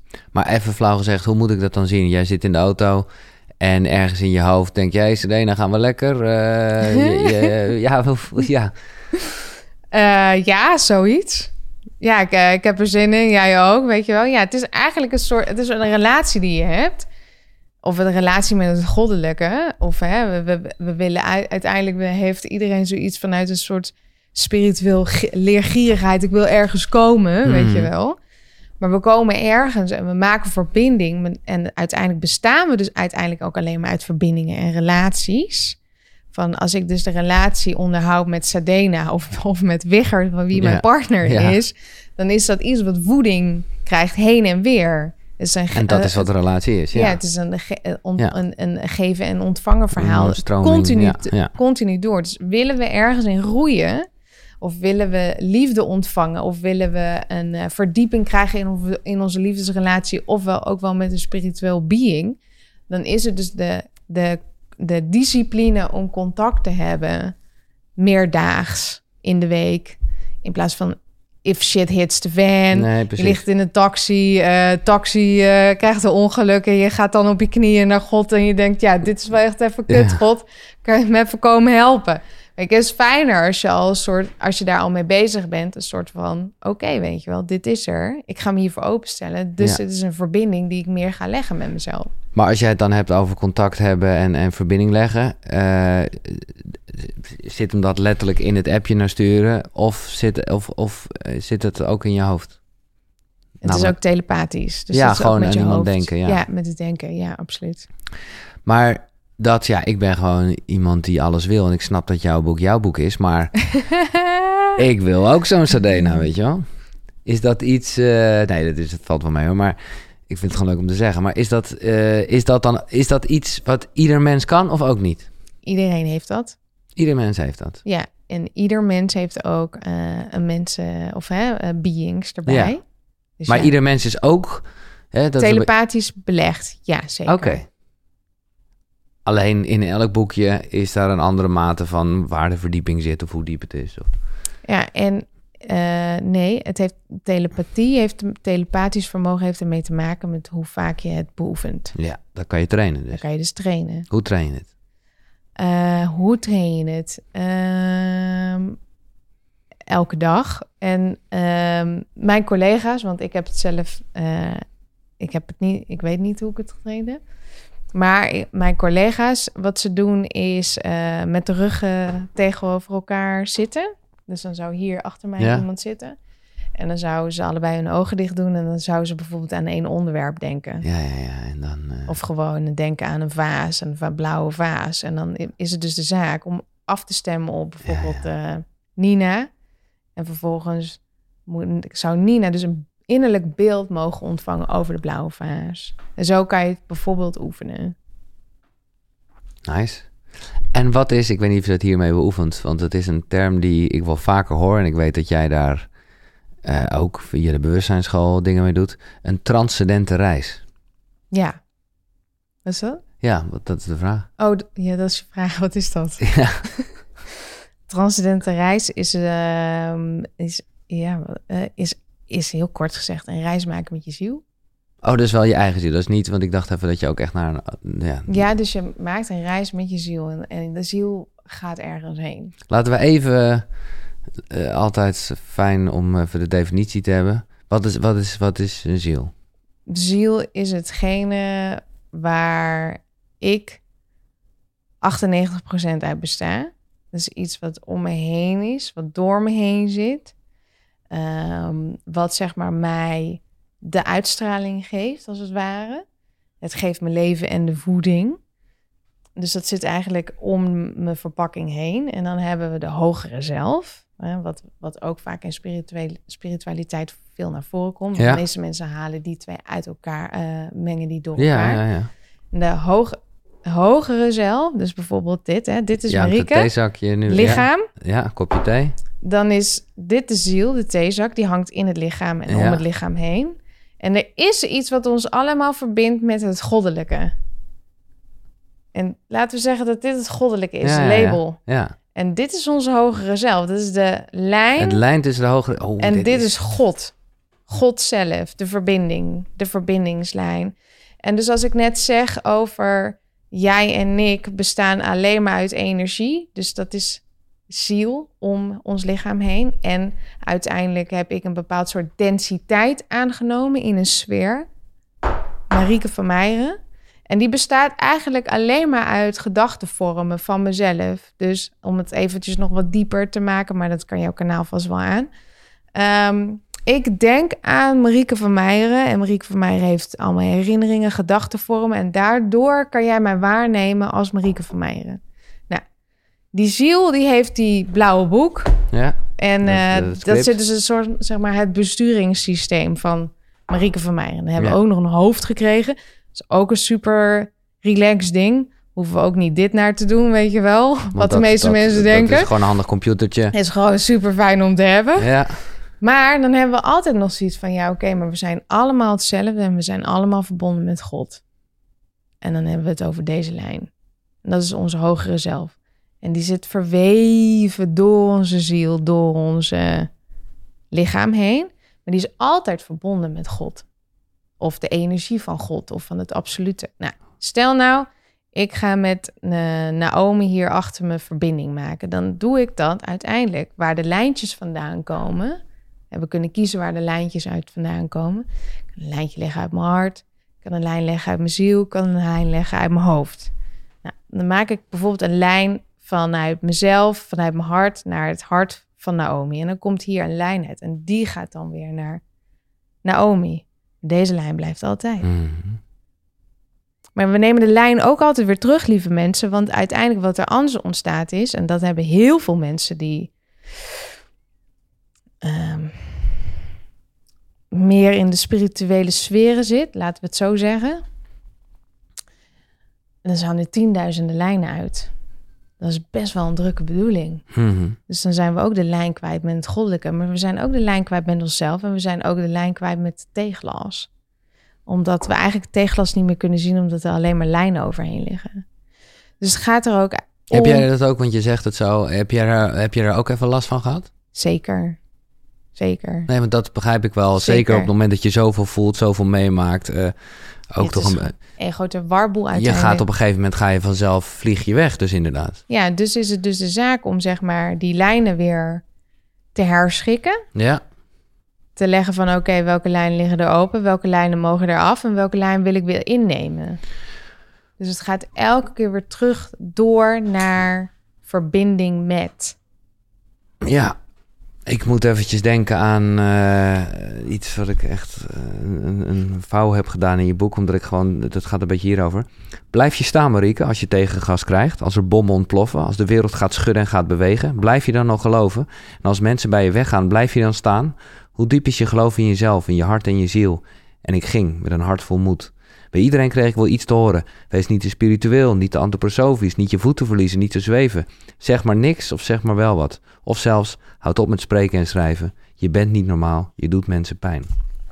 Ik weet niet of het helemaal het juiste moment was om dit te vertellen, maar het, het kan me echt voorstellen dat je daar in het hele proces, ja, hoe blijf je, nou ja, geaard met, met, met het glas, zeg maar. Wat is jouw advies? Want ik denk dat je gelijk hebt dat veel mensen heel veel touwtjes hebben. Ja. Ehm, advies is, eh, ga even naar de bewustzijnsschool. ja, nee. ja, dat. Of koop mijn boek, zodat je herkenning krijgt en dat je ehm, ziet hoe je het anders kan doen. Dat. Een praktische tip is... eh, in eh, bijvoorbeeld als ik met jou aan het praten ben... of ik ben ergens met iemand aan het praten... of ik ben aan het lopen of ik zit ergens of ik ben aan het eten... check eens even dagelijks in met jezelf... of Ja. op dat, dat moment hè, van, eh, kan ik mijn voeten voelen... Als ik met jou aan het praten ben, voel ik mijn voeten, ik voel mijn benen, ik voel mijn knieën, ik voel mijn bekkengebied. Dus dat betekent dat alles wat Marieke is, is helemaal aanwezig. Totale verbinding, ja. Dus ik, ik ben verbonden met mijn lichaam. Dus ik ben verbonden met mijn interne wereld. Als je die lijn op een gegeven moment zo helder hebt, hè, weten te krijgen, kan je dus ook heel goed voelen van, hé, hey, maar nu ben ik uit verbinding, of nu is het warrig, of nu is het niet geaard, of ik voel mijn voeten Mhm. niet. En dan keer je terug naar bijvoorbeeld je voeten. Voet, de meeste mensen, 99% voelt niet zijn voeten. Ook voor mijn voeten heel goed, juist. Als je je voeten niet voelt, Ah, ben je dus eigenlijk niet helemaal hier. nee. En dan is dus de vraag, waar ben je dan wel? En hoe weet je, of hoe voel je...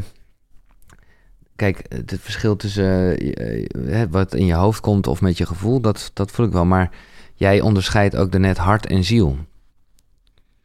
Of was dat, eh, of was dat niet zo? Met mijn boek bedoel je? Nou ja, met, nee, toen je een beetje die lijntjes zo aan het uitleggen was. Wat ik echt eh, bedankt hiervoor. Want het is, ik heb nog nooit zo'n fijne uitleg gekregen over het hogere zelf en Ja, eh, je ziel. Eh, maar zit er nog eh, je hebt dan ook nog je hart. Ja, er zit zeker wel een verschil in. Ja, dat begrijp ik. Maar ik. Dus bijvoorbeeld, ehm, iedereen heeft wel eens meegemaakt dat je naar eh, bijvoorbeeld een spreker aan het luisteren bent op een podium. En eh, dat de meeste mensen zoiets hebben van, nou, eh, het zal wel wat diegene zegt, maar eh, ja, weet je wel, dat. Ik voel het gewoon ik niet. voel het gewoon niet. Nee. Nou, die spreker die praat dus vanuit zijn hoofd. Ja, En die maakt dus vanuit zijn hoofd verbinding eigenlijk met allemaal andere hoofden. Want we kunnen niet, als we, als we bijvoorbeeld ik moet goed eh, onthouden waar ik het zo meteen over ga hebben. Ik heb een speakbrief of noem alles maar op. Hè? Wat, wat maar werkt voor diegene.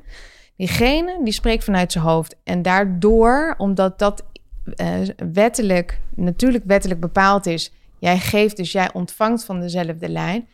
Kom je dus binnen bij een hoofd. Ja, nou. want daar heb je dan ten op afgericht, daar weer de informatie van. Ja, ja, en daar ben jij op afgestemd, want je bent op afstemming in jezelf. Op afstemming vanuit mijn hoofd praat ik dus tegen een hoofd. Praat ik vanuit mijn hart, is dus kwetsbaar. Hè? Dus een Marieke van Meijeren verhaal. Ik durf mezelf kwetsbaar open te stellen. Ik praat vanuit mijn eigen gevoel, ik praat vanuit mijn eigen ervaringen. En ik durf nog steeds mijn hele lichaam te ervaren. Doordat ik vanuit dat kader durf te praten, waar veel moed voor nodig is. En vraag maar aan, aan, andere mensen als je bijvoorbeeld een keer iets meegemaakt hebt en je zit in zak en as en je gaat dan praten. Dat mensen dus verbinding met je maken, maar er dus ook voor je kunnen zijn. En vanuit dat gevoelsniveau voelen andere mensen jou dus ook. Mensen voelen dus hetgene wat jij zegt. Dat komt dus binnen in het hart. Vanuit de ziel of vanuit het goddelijke praten we met een hele andere toning. En dan zitten de meeste mensen zo. Je, je, je doet je eh, ogen wijd open nu uh, een beetje naar achteren. Een soort van, oké, weet je wel, dat. Overweldigend, En dat is een soort andere, dat is een soort een totaliteit van een andere lijn. Er, er, is geen spel tussen te krijgen. Het is een totale helderheid. Het is duidelijk. Het is fucking simpel. Het is humoristisch. En het staat zo helder geschreven in deze tafel dat je daar eigenlijk niet echt iets tussen kan krijgen. Het is gewoon hetgene wat het is. Wat diegene zegt. Ook al heb ik het helemaal niet begrepen. Ik neem het aan. Dat is vanuit ziel. Maar leef jij vanuit je hart of leef je vanuit je ziel? Ik denk combinatie met. Nou, dat kan. Ja. Dat mag. Ja. En, maar maar uh, conflicteert dat wel eens? Kijk, uh, hoofd en hart weten we allemaal kan conflicteren. Kan conflicteren. Maar, maar hoe zit het met hart en ziel? Hart en ziel conflicteert niet, omdat uh, vanuit. Um, het hart is, wordt gevoed door de ziel. Ja, en vice versa de same. En het is uiteindelijk de doorgang naar de ziel. Oké, daar waren we. De definitie van ziel, dat is duidelijk. Echt top. Uh, dus wat gebeurt er dan tijdens een transcendente reis? Tijdens een transcendente reis um, reizen we af naar het hart. Oh. En maken we dus je frequentie hoger, omdat een hartsfrequentie hoger is dan zeg maar een normale bewustzijnstaat waar we in leven. Maar net zijn nog ziel, toch? Ja, ja, ja. Ja, oké, okay, we komen. Sorry, sorry. Het is echt een hele reis. Oké, okay, we gaan het En dan vervolgens, als we in het hart zitten, is dat dus uiteindelijk de opener voor ons, zeg maar, zoals als een deur, de deur naar de ziel. Hmm. En wat, waar jouw ziel naartoe wil reizen, of uh, wat, wat jij mag ervaren of voelen, dat is aan jouw ziel en jouzelf aan zichzelf bepaald. Uh, maar dat is eigenlijk transcendent reizen. Je kan het ook een beetje vergelijken. Mijn lieve man, die is er heel erg van. Die uh, Wiggert. Ja. Uh, die doet aan uh, ayahuasca. Heel Ja. veel mensen doen aan ayahuasca of plantmedicijnen. Um, Zo'n ervaring, dat is het. Alleen ik geloof er heilig in, maar dat, dat komt natuurlijk ook door mijn bijna doodervaring. Maar ik geloof er heilig in dat we zelf in staat zijn om onszelf in die bewustzijnstaat te brengen. A.k.a. wat ayahuasca dan Ja. doet. En dat is eigenlijk, dat is transcendent reizen. Heb je het wel eens gedaan? Ik heb het zelf twee keer gedaan, ja. En toen, eh, kreeg, toen, daardoor weet je ook wat je nu zegt. Ja. En eh ja, vraag me dan gewoon af, heb jij dan ook niet onwijs de behoefte om Wiggert, eh, ja, het, het ja, zeg maar natuurlijk, nou, het is nog steeds natuurlijk, maar zonder ayahuasca te laten ervaren? Mm, nee. Nee. Nee, is echt helemaal zijn, zijn ding. Ik bedoel, het is iets wat hem zo ontzettend gelukkig maakt ook. En- Check de podcast met Wiggert overigens, Ja, want die gaat, die gaat zeker hierover. het is echt... En hij en ik zijn zo verschillend. Ja. Zo verschillend. Wat het eh, een feest maakt, maar ook soms echt... eh, wat de F, Marieke of Wigger. Ja, Ik eh, bedoel, ja, ja, als ik er zelf aan zou denken van, eh, Jezus, eh, ik kan ook wel eens in zo'n toning zitten. Wat moet ik in godesnaam met deze man? Maar dan, ik zou niet weten wat, wie of wat voor andere man dan.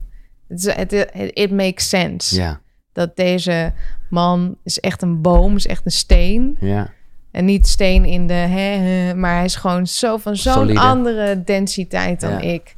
En wij zijn daarin zo complementair aan Ja, elkaar. mooi. Ja. En dan hebben we... Maar het is wel een goede die je aankaart. Want we zitten niet in een liefdesrelatie om elkaar een beetje op te sleutelen. Nee, en, eh, exact. dus hij, hij, is en- zijn, eh, hij heeft zijn, zijn, eh, zijn geweldige box aan tools. En hij heeft zijn boekje met zijn ziel. Ja, En, ja. en hij weet mij te vinden op een stoel.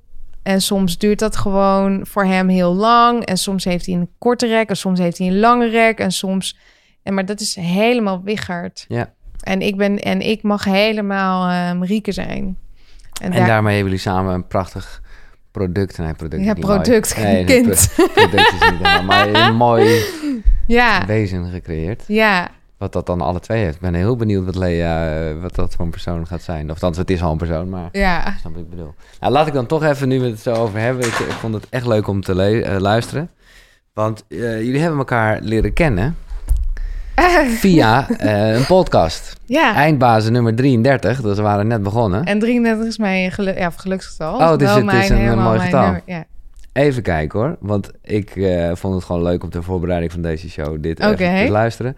En toen kwam ik op één stukje dat ik dacht, ah, wat schattig. Ik, bedoel, ik weet helemaal niet, het zit nu in mijn hoofd dat daar al heel veel gebeurde. Ik weet helemaal niet of dat zo is. Maar het was in ieder geval jullie eerste ontmoeting, of niet? Ja. Ja. Ja, het, de tweede, denk ik. Ah, de zoiets tweede. ongeveer. Ja.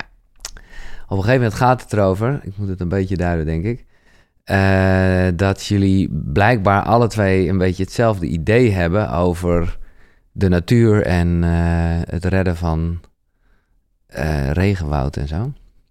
Ja, dus het, het is er al, maar het moet nog gemaakt worden, is wat je eigenlijk zegt. ja, en als ik dus blijf zien dat de wereld in mijzelf heel en compleet Even en voor de duidelijkheid, we leven nu februari aanschouw 2016. ik de wereld Ja. ook als heel en compleet en perfect. En blijf ik dus doorgaan met inspiratie en creëren. Ga ik weer in de separatie, lees het verhaal van de tulp en de roos. Ja. Separeer ik mezelf, kom Ja, het- ik het met door, rode jurk. Ga ik op de bank zitten. Snuif ik MDMA of een lijn.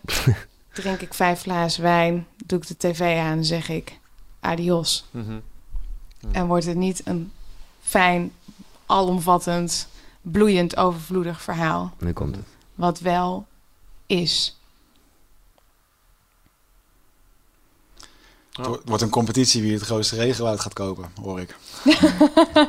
Eh, misschien kun ik geloof wel in samen. Zullen we buren worden? Oh, we stukjes naast elkaar samen. kopen. Naast elkaar Ja. kopen, ja.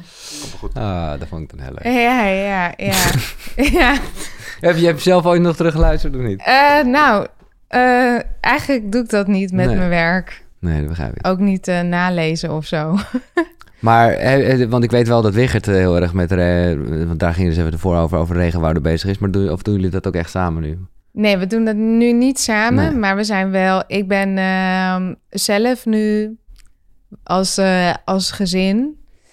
ben ik zelf nu heel erg bezig met willen een stuk land...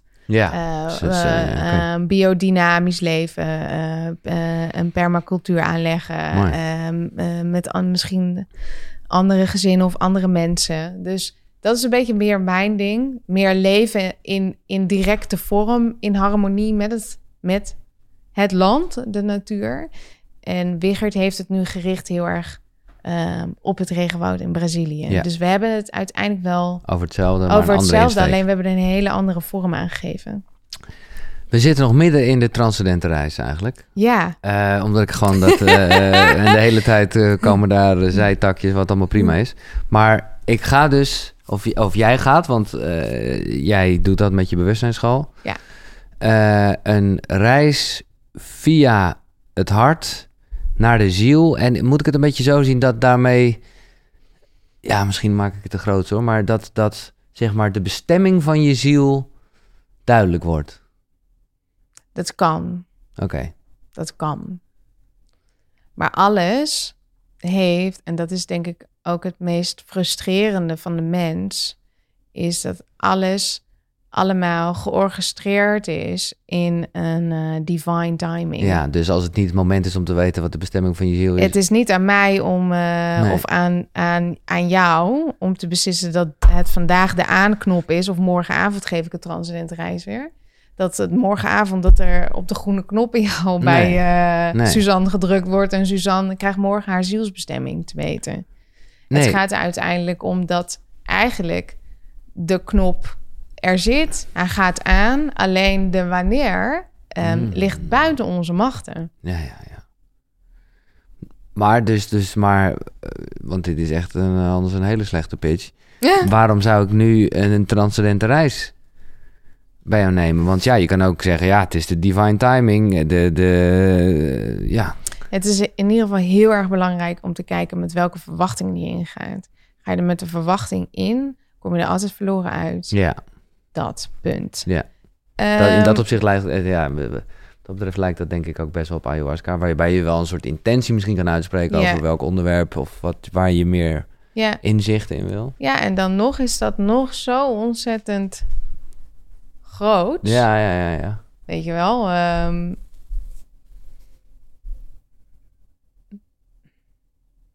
ik zit even een, een voorbeeld. Wichert, ja, Wichert had een heel mooi voorbeeld, dus ik ga die gewoon, dat mag vast wel van hem. Hij had, laatst had hij een ceremonie gehad en hij kwam terug en hij zei echt... ehm, ik moet die spiegel kopen. Ik, ik noem even een ander voorbeeld. Ja. Maar hij kan helemaal... Ik moet, ayahuasca heeft het me laten zien. Ik moet morgen die spiegel kopen. En vervolgens gaat hij morgen gaat hij naar die winkel. Koopt die spiegel. Hangt die spiegel meer in ons huis. De mooiste spiegel ever. En vervolgens hè, denk ik, nou, het is een mooie spiegel, Wichert. Maar eh, weet je wel, je wilde hier eigenlijk een schilderij van je moeder hangen. Heb je er ook over nagedacht of je het wel kon betalen? Dit, dat. Weet je wel, gewoon even gewoon vragen. ja. En vervolgens is het... hmm, oh, damn, weet je wel. Ik moet eigenlijk voor die spiegel eigenlijk nog meer betalen. Want het is een soort lidmaatschap wat ik afgesloten heb. ik pak die spiegel. Ik neem hem weer terug naar de winkel. En dan zeg ik wel, ik koop hem voor de helft. En de andere helft ehm, koop ik wel over twee jaar. Als ik dan weer geld heb. Zo, dan heb ik het opgelost. Dus ayahuasca zei eigenlijk van je moet die spiegel kopen. Dat was een hele heldere, duidelijke boodschap. Maar, Maar, hoe jij met je geest er dan weer mee omgaat en het ego-denken wat ook aanwezig is tijdens een ayahuasca-trip. Als de, hè, je bent als observeerder ben je Mhm. aanwezig, maar de ego is ook nog aanwezig. Hoe heeft jouw ego dan dit opgepakt? En heb je dus niet het denken vereenzelvigd met het hart en met de ziel, waarin dus uiteindelijk een soort enorme harmonie is aan. Ik heb zo'n reis gehad. Dit is wat ik. ehm, de boodschap was: ik moet een spiegel kopen. Ik ga er eens even rustig over nadenken. Ik ga eh, A, B, C, D, E eens doen. ja, ja. Hoe voelen A, B, C, D, E? En ga zo maar door. En dat is dus het, hetzelfde als eh, met een transcendente reis. Met een transcendente reis kan je ook een ervaring hebben. Maar het is desalniettemin altijd nog, zeg maar, hoe jij er vorm aan geeft Ja. met je identiteit. En hoe je het integreert, Ja. wat dan een term is die je vaak hoort in je, gewoon het Ja. echte leven. Ja. Ja. En dat hele integreren, dat is wel een hele belangrijke. Want dat is wat, wat als mensen zoveel spirituele dingen doen. Hè, tegenwoordig, ik bedoel, met mijn school eh, hadden wij alleen al elke dag twintig lessen. En dat ging van transcendente reizen naar kickboksen, naar eh mindhacking, Ja, tot ja. aan weet ik het wat allemaal. En mensen konden, hadden destijds in de beginfase van de bewustzijnsschool hadden ze een lidmaatschap. En zei ik echt wel eens tot- tegen sommige studenten, ehm, zou volgende week gewoon eventjes niet komen. Of Laat misschien gewoon even, twee weken niet, weet je wel. Ja. Dus ik ga gewoon een voorbeeld nemen. En ik denk dat dat wel hout snijdt voor iedereen. dus bijvoorbeeld, Marieke die heeft een moestuin. En ik neem mezelf even als voorbeeld. Niet dat ik dit zelf gehad heb. Maar dit is wel belangrijk voor de tijdsgeest waar we in leven is. Is dus bijvoorbeeld, we zitten in een soort ontwakening. En mensen zijn bezig met spirituele kennis vergaren. Hè? Dus door middel van workshops, lezingen, eh, eten, drinken, poeders, Podcast. eh, podcast, boeken, Ja. boeken, boeken, boeken, Eh, lampjes, Ja, ja. pupillen, drums, weet ik het wat, ademen, mediteren. Ga de hele, hè, noem het hele arsenaal aan cd's omhoog in die roze kast van je. Nou, we nemen even als symboliek een zaadje. Nou, ik ben ontwaakt. Ik heb een ervaring gehad. Holy motherfucking shit. Ayahuasca heeft verteld dat ik een, eh, een spiegel moet kopen. Dit is de spiegel. Ja. En die plant ik in de aarde. Nou, en vervolgens komt de zon hè, en de regen komt er overheen. En Marieke die komt over twee dagen weer en die kijkt naar de grond en die denkt... Waar is het? Maar is nou dan, weet je wel, komt het wel of komt het niet? Weet je wel? Komt het nou of komt het nou niet? Nou, misschien heeft het gewoon iets meer aarde nodig. Ja. Oh ja, dan die zon die schijnt erop, hè, de regen, de wind. Ja, dan komt Marieke twee dagen later weer. Oké, nou ja, dat is het nog steeds niet, weet je wel. Nou, misschien heeft het gewoon wat fertilizer, of hoe heet dat? Ja, vruchtbaar. Vruchtbaar, die korrels is nodig, die ja. korrels erop. Ja. Misschien heeft het wat lucht nodig, dus ik doe gewoon wat gaten met mijn vingers tussen die aarde. Hele tijd lopen kutten. hup, hup, hup, weet je wel, gewoon echt weken lopen kutten. Maar dus allemaal dingen doen, hè? Allemaal dingen doen Ja. om dat zaadje maar te Terwijl- laten groeien. Ja, ik vind het echt mooi. En vervolgens komt die zon, die gaat maar door. En wat doet de zon ook alweer met fertilizer en met al die aarde en natte aarde? En Marieke had er ook nog een sinaasappelschil overheen gelegd. Want ze had eigenlijk gelezen, namelijk op Google, dat de sinaasappelschil echt wonderen verricht wat betreft het laten groeien van een zaadje. Maar we hadden eigenlijk vergeten dat als de zon daarop gaat schijnen, onder die fertilizer ligt, gaat het namelijk rotten. Dus het rot. Vervolgens doet Marieke na twee weken de aarde open. Ziet ze dat het zaadje verrot is. Hoe komt het dat het zaadje verrot is? Is omdat ik uit een zo'n ontzettende verdwaalde onbewustheid naar de ayahuasca ben gegaan. En echt alles van ik moet een spiegel kopen in mijn eigen cocktail shaker heb gedaan. Oh, flats. En vervolgens ben ik daarmee aan de haal gegaan Terwijl als je niks had gedaan. als ik niks had gedaan, als ik gewoon geduld had gehad, als ik, had vertrouwen had gehad in de boodschap van een zaadje, was het zaadje gewoon gebloemd naar een hele, hele mooie roos.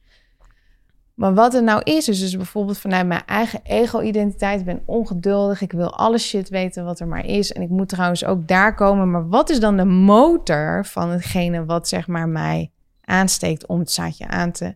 Hè, nog meer aarde eroverheen te doen, is dus uit een, uit een bepaalde vorm van identiteit, van gefragmenteerde energie slash een overtuiging. Het moet sneller, want waar ik nu ben, hoe ik me nu voel, is niet oké. Mhm. Ik ben niet oké. En vanuit die ik ben niet oké, ga ik dat Ja, voeden. Vanuit ik ben niet oké, rot het dus weg. precies. Ook dat is wet van aantrekking. Maar dan Want dat is de wet van aantrekking. Ja. Of ik kom vanuit een plek, ik ben oké. En ik weet. En ik laat, want ik heb vertrouwen in de zon, vertrouwen in de wind, vertrouwen in divine timing. En ik heb vertrouwen in hoe alles zichzelf uiteindelijk ontwikkelt en groeit tot een mooi groot geel. A.k.a. waarin ik dus tegen mezelf zeg... ik heb dus vertrouwen in mijn eigen divine timing... omdat ik vanuit een plek kom wat ik ben oké. Ik ben oké. Ik ben oké. En dat is zo ontzettend nodig om te realiseren van ik ben oké. Want dan betekent het het dus niet dat we 20.000 boeken hoeven te lezen. Nee. Omdat ik weet, ik ben oké. En als ik oké ben, kan ik natuurlijk wel vanuit de plek van ik ben oké iets lezen voor herkenning of voor voeding. Maar dan maken we hele andere keuzes. En onthouden we en ervaren we dus de kennis die we tot ons nemen op een heel ander niveau. Ja, je raakt me hier echt mee hoor. Super mooi. En ook eh, super. eh, nou ja, ik voel mezelf ook wel aangesproken. Hoezo? Nou, omdat eh, zo, hè, het voorbeeld van, van heel veel dingen proberen en eh, alles aangrijpen zonder daadwerkelijk het proces gewoon de tijd te laten geven. Ik zal iets anders tegen je zeggen. Die komt ook wel binnen. Jij bent, jij, jij en je energie is heilig. Heb je er wel eens over nagedacht dat al die mensen waar je dagelijks mee zit, de hele tijd in jouw veld lopen te klungelen? Mhm. Daar denken mensen niet over na. Ik ga naar een workshop. Volgende week ga ik weer naar een workshop. Volgende week zit ik bij een cacao-ceremonie. Volgende week doet een vriendin. Heeft eh, twee workshops gedaan tot shamaan. Dus die heeft besloten dat ze shamaan is. Die gaat wapperen met Sali om een veld heen. Waar, uit welke plek komt diegene vandaan? En komt diegene wat brengen? En wat komt diegene dan brengen? Of komt diegene wat halen? A.k.a. ik ben nu shamaan en daarom heb ik mensen nodig, liggend op een matje, om mij die identificatie te geven, a.k.a. bewijs van mijn overtuiging. Ik ben niet oké, dus ik ben maar een shamaan geworden. Nee, maar En dit, zo, zo Ja. complex, zo complex zit, het- zit het in elkaar. Maar het is, dus, het is dus van, waar kom ik vandaan? Ja, Waar kom ik vandaan? Waarom doe ik dit? Wat beweegt mij? Wat zijn mijn andere motieven? Maar als we dus zouden kunnen beseffen en kunnen voelen: ik ben heilig, mijn veld is heilig. Wat stop ik er in godesnaam dan in? En dan misschien zouden we dan niet eh, vier keer in de week eh,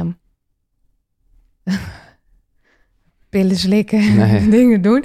Maar of zouden we misschien dan rust inbakenen, omdat een heilig veld in rust namelijk zelf informatie vergaart. Mhm. En als ik dan heilig ben, wil ik dan met die aan de tafel zitten? Of zou ik dan met die aan de tafel zitten?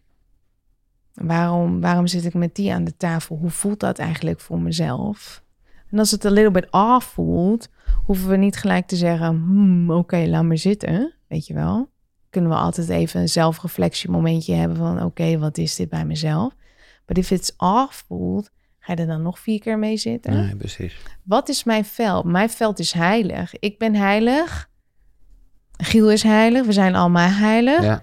En ik laat zoveel mensen aan mijn pot zitten.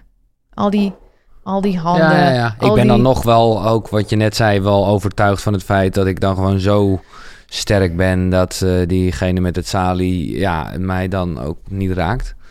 Oh ja, Hoop ik dan maar. Maar ja, daar moet je ook een beetje van overtuigd zijn. ja. Maar, Maar- dat, is, dat is wat jij weet. Ja. Hè? Nee, Dus maar dat is wat ik, snap, jij- ik snap je waarschuwing. Maar nee, dat, eh, niet de waarschuwing, maar dat is wat jij weet. Ik ben zelf zo sterk dat het zeg maar hem me niet raakt, langs me heen gaat. Hè?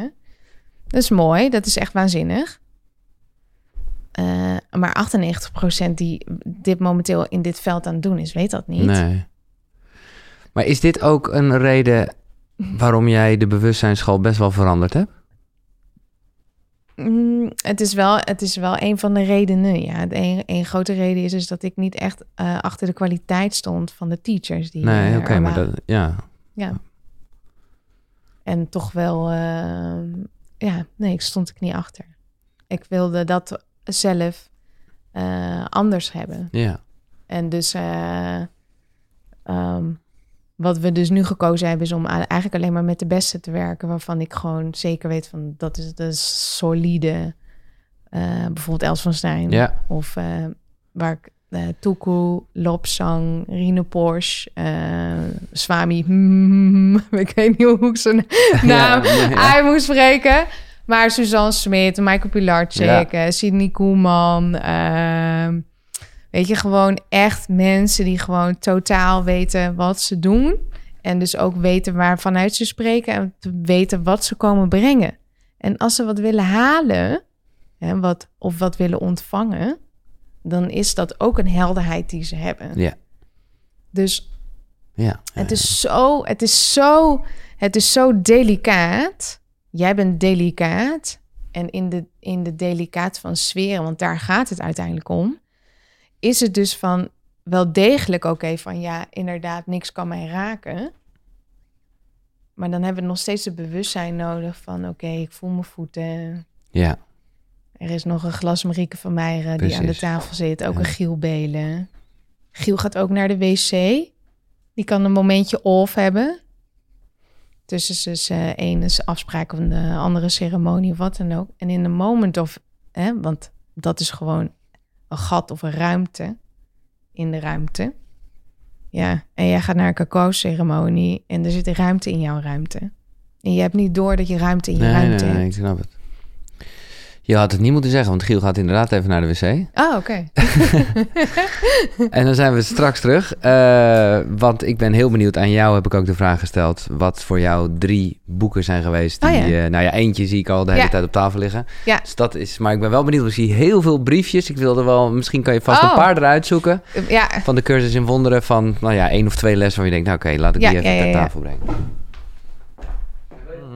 Oh, sorry, ik onderbreek eventjes eh, dit fijne gesprek. Maar dat is vanwege iets dat met boeken te maken heeft. En ja, ik hou van boeken. Ik hou van verhalen. Van lezen, maar ook van luisteren. Vooral als je onderweg bent of gewoon, eh, nou ja, weet ik veel wat aan het doen bent.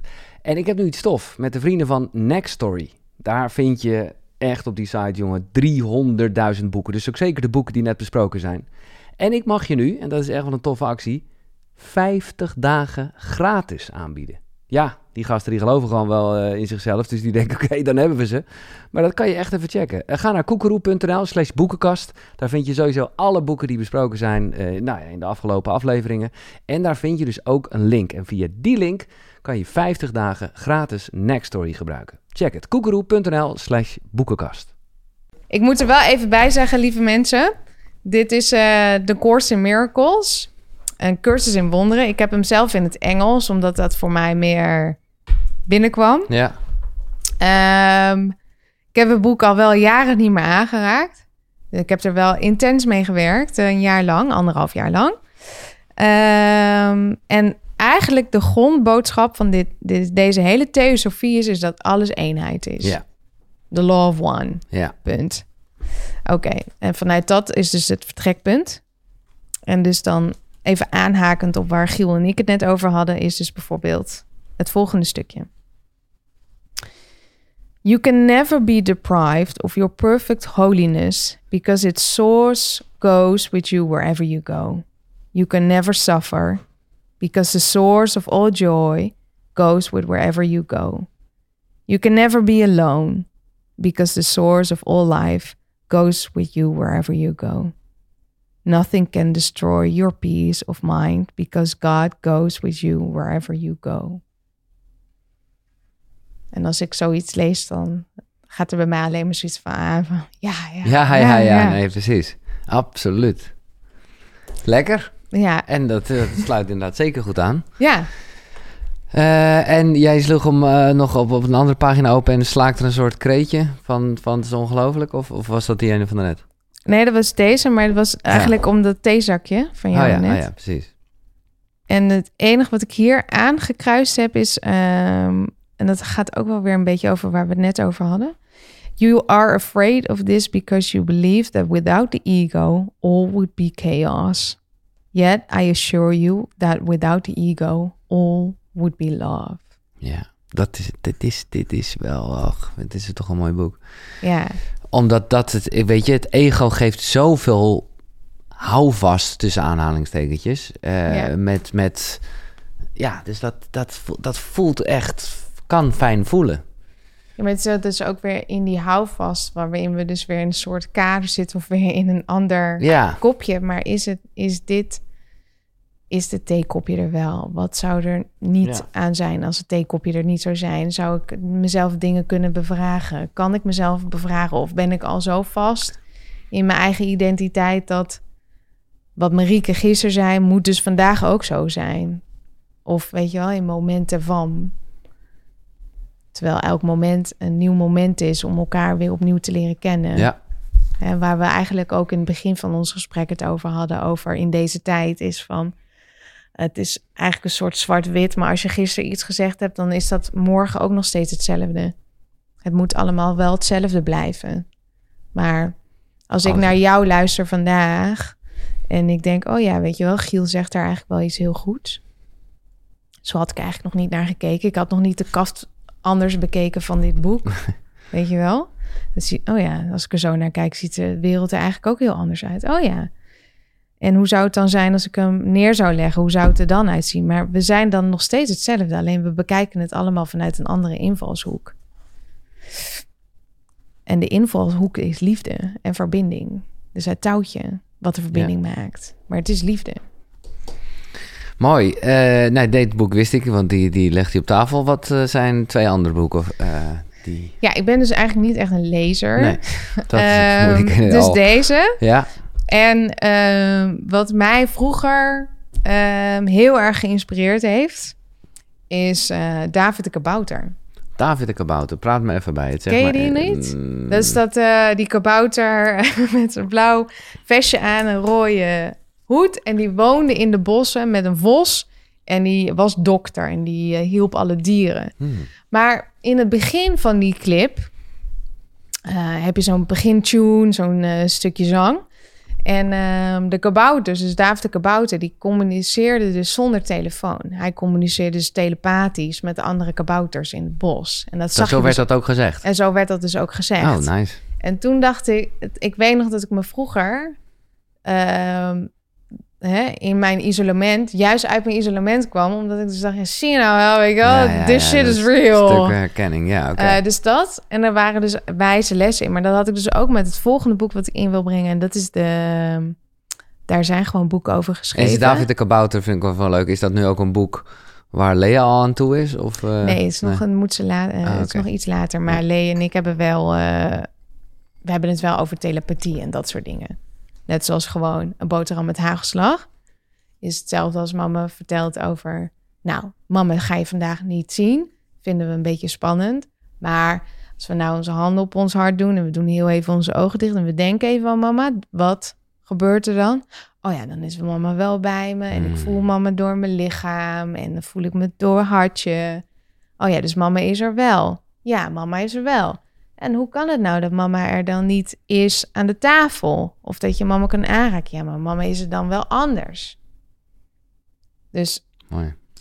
net zoals dat een boterham met hagelslag net zo belangrijk is als een boterham van hagelslag, Ja. is dit zijn dit soort momenten, eh, geloof ik, cruciaal in een soort nieuwe wereldorde, nieuwe wereld, eh, de kinderen van nu. Exact. Ehm, dus dat En, is- dan- en, en we zitten in een goede tijd, toch? Als je, ja, nee, Ja. precies. Lekker. Oké, duidelijk. Eh, nou, David de Kabouter stond nog niet in de boekenkast. nee, Eh, het derde en laatste boek.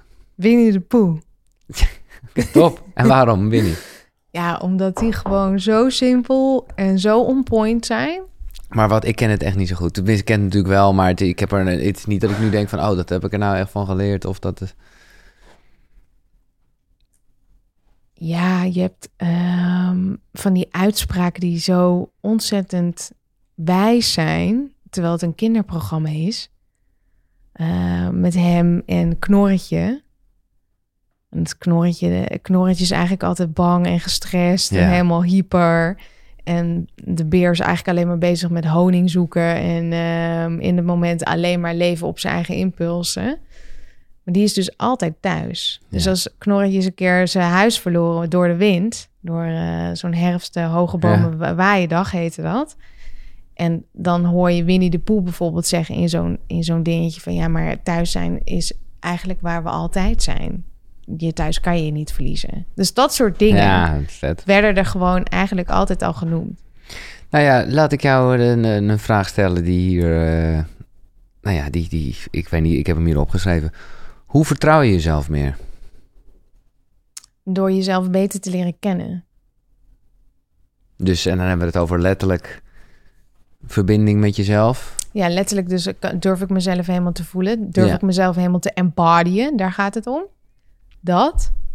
Durf ik mezelf ook te bevragen.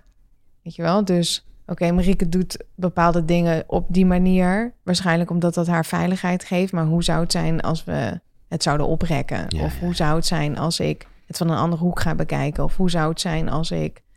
ehm, hoe zou het zijn als ik wel een bewustzijnsschool open? No matter what. Ja. Weet je wel, we kunnen... Wat ik ook mijn, wat mijn Dus ook eigenlijk met jezelf het oncomfortabele opzoeken. eh, ja, het besef van we kunnen moedige dingen doen. We kunnen hele moedige dingen doen. En, en daarin zit ook de, de, de ultieme embodiment van zeg maar jouw potentieel vanuit jouw ziel. En want het zit eigenlijk anders vast in de constructie van het glas. Terwijl de ziel niet vast wil zitten in de constructie van het glas. Nee. De ziel wil zich, zeg maar, fluid, vloeibaar kunnen bewegen. En dus het lichaam beweegt dus mee met de energiefrequentie van de ziel. In plaats van the other way around. Dus durf ik me eigenlijk af te stemmen op iets wat anders is dan dat ik eigenlijk dacht. Ja. En is eigenlijk eh, dit antwoord hetzelfde antwoord op de vraag... hoe train je intuïtie? Eh, ja, heeft, want in, train je intuïtie heeft eigenlijk al, heeft in eerste instantie te maken van ken ik mezelf? Ja. Ken ik mijn eigen glas? Ja. Want als we niet eens weten dat ik in een glas zit, ik weet niet waar ik door aangedreven word, weet je wel, net als met het Precies. zaadje, Ja, ja, ja. Eh, wat ik net uitlegde. Dus het weer jezelf kennen, maar dus jezelf daarin ook weer bevragen en dus ook je intuïtie trainen doe je wel meer door middel van transformatief werk. En dus het opschonen van eh, ik ben niet oké. Ja, ja, ja, ja. Want als we dus geen transformatief werk doen, wa- wat ik net ook uitlegde, blijven we dus op een hoofdniveau zitten. Which is fine. Hoofd Ja. is echt helemaal prima. hè? Ja. En kan je, ik denk wel dat ik weet wat het is hoor, maar gewoon voor de duidelijkheid, wat, wat is transformatief werk? Nadat je dus eigenlijk die Dat embodiment aangaat en dat je het gevoel durft te voelen wat er even is. Ja. En daar komt het eigenlijk op neer. En kan ik dus volledig met mijn volledige bewustzijn aanwezig zijn bij het gevoel. En dat kan overweldigend eng zijn wat je kan voelen. En het kan ook heel klein zijn. Het kan ook frustrerend zijn. Het kan van alles zijn. Maar durven we de regenbogen aan? Durven we de regenboog af te lopen? Ja, ja, ja, precies. Wat, eh, eh, hoe ziet jouw ochtendroutine eruit? Eh, ja. Ik heb een tijd lang heb je nog in mijn routine gezeten. Ik weet niet of je het nog steeds doet, maar dan ging je op Insta live. Super grappig. Oh, deed ik hardstart. Ja. Ja, met corona deed ik dat. ja. Om mensen een stok ach- achter de deur te geven. Ehm, dat heb ik inderdaad drie maanden of vier maanden gedaan. Heb ik, dat. Hm. Ehm, ik heb niet echt een routine, Een ritueel. een ritueel. Ehm, het is wel dat ik wel een soort eh, toolbox heb. Ja. Ja, ja, die, je- die je inzet indien Ja. nodig. Dus ik doe wel aan eh transcendent reizen Zelf. Dat, zelf. dat doe je bij jezelf. Dat doe ik zelf. Dus dan ga ik liggen en dan pap, ga ik weg. Ja? Maar dat doe ik natuurlijk al zo lang. Ja, nee, oké. Dat deed ik al toen ik eh, klein was. Dus voor mij is dat gewoon een soort... Ja, daar hoef ik helemaal niks voor te doen. Nee. Ehm, En nog even, want ik vind dit toch, dit, dit krijgt een rode draad in dit programma. Ik vind het allemaal echt fascinerend. Dus misschien kunnen we iets leuks doen met een transcendente reis bewustzijnsschool. ja, Wat is, eh, ik, eh, hallo, ik eh, zeg ja, ik wil een transcendente reis. Oké, het is me nu een beetje duidelijk wat, er, wat het effect is. En dat ik het later nou, moet kijken hoe ik kan integreren. Maar wat gebeurt er letterlijk? Ik, ik kom dan, is het online of ga ik naar jou toe? Oh, letterlijk. Ja, nou, eerst was het gewoon fysiek. ja. Dus één keer in de, twee keer in de week gaf ik het echt fysiek op de bewustzijnsschool. Ehm, dat groeide helemaal uit spuigaten uit. Toen ben ik kerken gaan doen. Dus er zaten gewoon honderden mensen in een kerk. Ehm, dat groeide ook de spuigaten uit. Dus toen ehm, hadden we eigenlijk de grootste kerk in Amsterdam, is de Dominicuskerk. Ehm, en toen kwam corona. ja. Toen, eh, en toen dacht ik, nou, dan ga ik maar eh, online uh, transcendente reis geven. En uh, ja, er zitten nu elke week honderden of duizenden mensen uh, Ja. lekker. Dus dat kan gewoon online. Ja, kan gewoon online. Dus je moet wel gewoon headphones hebben. Um, is altijd het begin van de les is altijd een stuk talk en Q&A, omdat mensen ook best wel vaak vragen hebben. Tuurlijk, ja. En daarna is het gewoon een trip, eigenlijk, om het even zo te zeggen. En er is, wordt altijd wel begeleid met uh, muziek, met Ja. binaural beats of iets wat we dan uh, wat we samen gemaakt hebben vanuit de school. En ik weet ook nooit de reis of waar het heen gaat, uh, maar dat geef ik dan op het moment zelf. En um, ja, dus dat eigenlijk. Top. Ja. En dat, is, dat doe je zeer regelmatig? Ik doe dat één keer in de week. Nou, dat is zeer regelmatig. Ja. Dus eigenlijk met de thema's. Dus morgenavond of... Nou ja, nee, dat, dit slaat nee, nergens op. Nee, dat is natuurlijk niet te zeggen. Nee, morgenavond is Nee. het natuurlijk niet. Nee. Nee, maar. Ik, maar als, als, je dit hoort, is het nog steeds één keer Is in het de nog week. steeds één keer in de week? Ja. Ja. Oké. Nou, eh, daar hebben we het straks wel even over. Maar kunnen we dan, dus, dat is gewoon gelijk mijn vraag, kunnen we een leuke uh, koekeroe-actie doen? Dat mensen...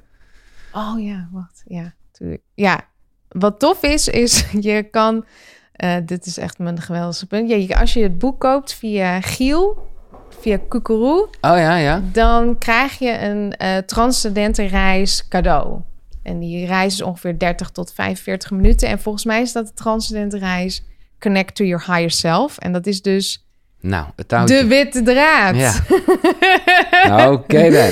Dus dat is dat wel... is goud. Dus dat is goud. Dus als je het boek aankoopt, Rise, via Koekeroe, krijg je een eh Transcendent Reizer bij. Cadeau. Waanzinnig. Yes. Nou, dit is echt top. Linkje, eh, top. Ja, en ook wel cool om gewoon samen een keer iets te doen. Ja. Ja, Ja. lijkt me heel tof. Lijkt, Ja. me, dat lijkt me echt heel tof. Even nog de ochtendroutine of ritueel aftikken. Dus niet echt. Nee, niet echt. Nee, Avondrituelen. nee avond is eigenlijk bij mij eh, heel simpel. Eh Lee heeft gegeten, Lea. Ja. Of ik en Wichert ook. En dan stop ik eigenlijk om zeven uur ook met eten en drinken. Dus na Ja. zeven uur is het voor mij gewoon eigenlijk dan helemaal soort van Clean. clean. Ik ga naar bed toe verhaal. Dus ik neem altijd best wel een warm, lange warme douche. Ehm, ja, Maar drink je nog wel eens bijvoorbeeld? Nee. Nee. Nee, en als ik drink, dan eh, word ik daar ook niet echt super blij van. Of Nee. zo. Maar ik heb wel echt genoeg gedronken. hoor. Nee, ik weet dat, daarom vraag ik het. Omdat jij gewoon ook gewoon een hele wilde chick was. Ja. Of bent hoor. Ik wil niet gelijk je niet wilt bestempelen omdat je niet meer drinkt. Maar ja, ja, ja. Nee, ik denk dat ik nu al... eh, weet ik niet. Ja, Nee. af en toe is met mijn pa, als ik op vakantie met hem was... whisky of cognac. ja, ja Maar geen wijn of bier meer. Nee.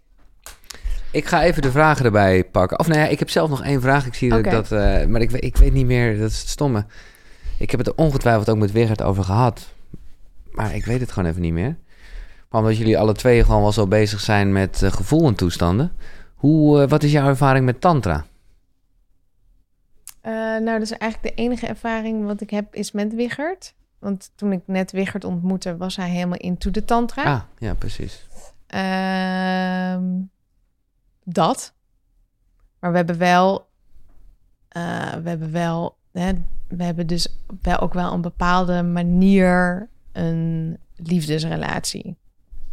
Dus het is niet dat wij de hele dag bij elkaar, eh hey, hoe gaat het? Of eh, weet je, de meeste mensen hebben een bepaalde blik ja, daarover. ja, ja, dat, oeh, het zal wel vermoeiend zijn om in Marieke te wonen Oh, of wat dan ook, weet je wel. Ja, Maar ehm, ik kan je echt beloven dat, we, dat hij gewoon op de bank zit en zit te Netflixen. En ehm, ja, ik eh, heb gewoon andere dingen die ik dan... eh, je, hè, je leeft met elkaar, maar je leeft ook ehm, zonder elkaar. En daarbij leef ik ook deels met hem en niet de hele tijd met Wiggert. nee.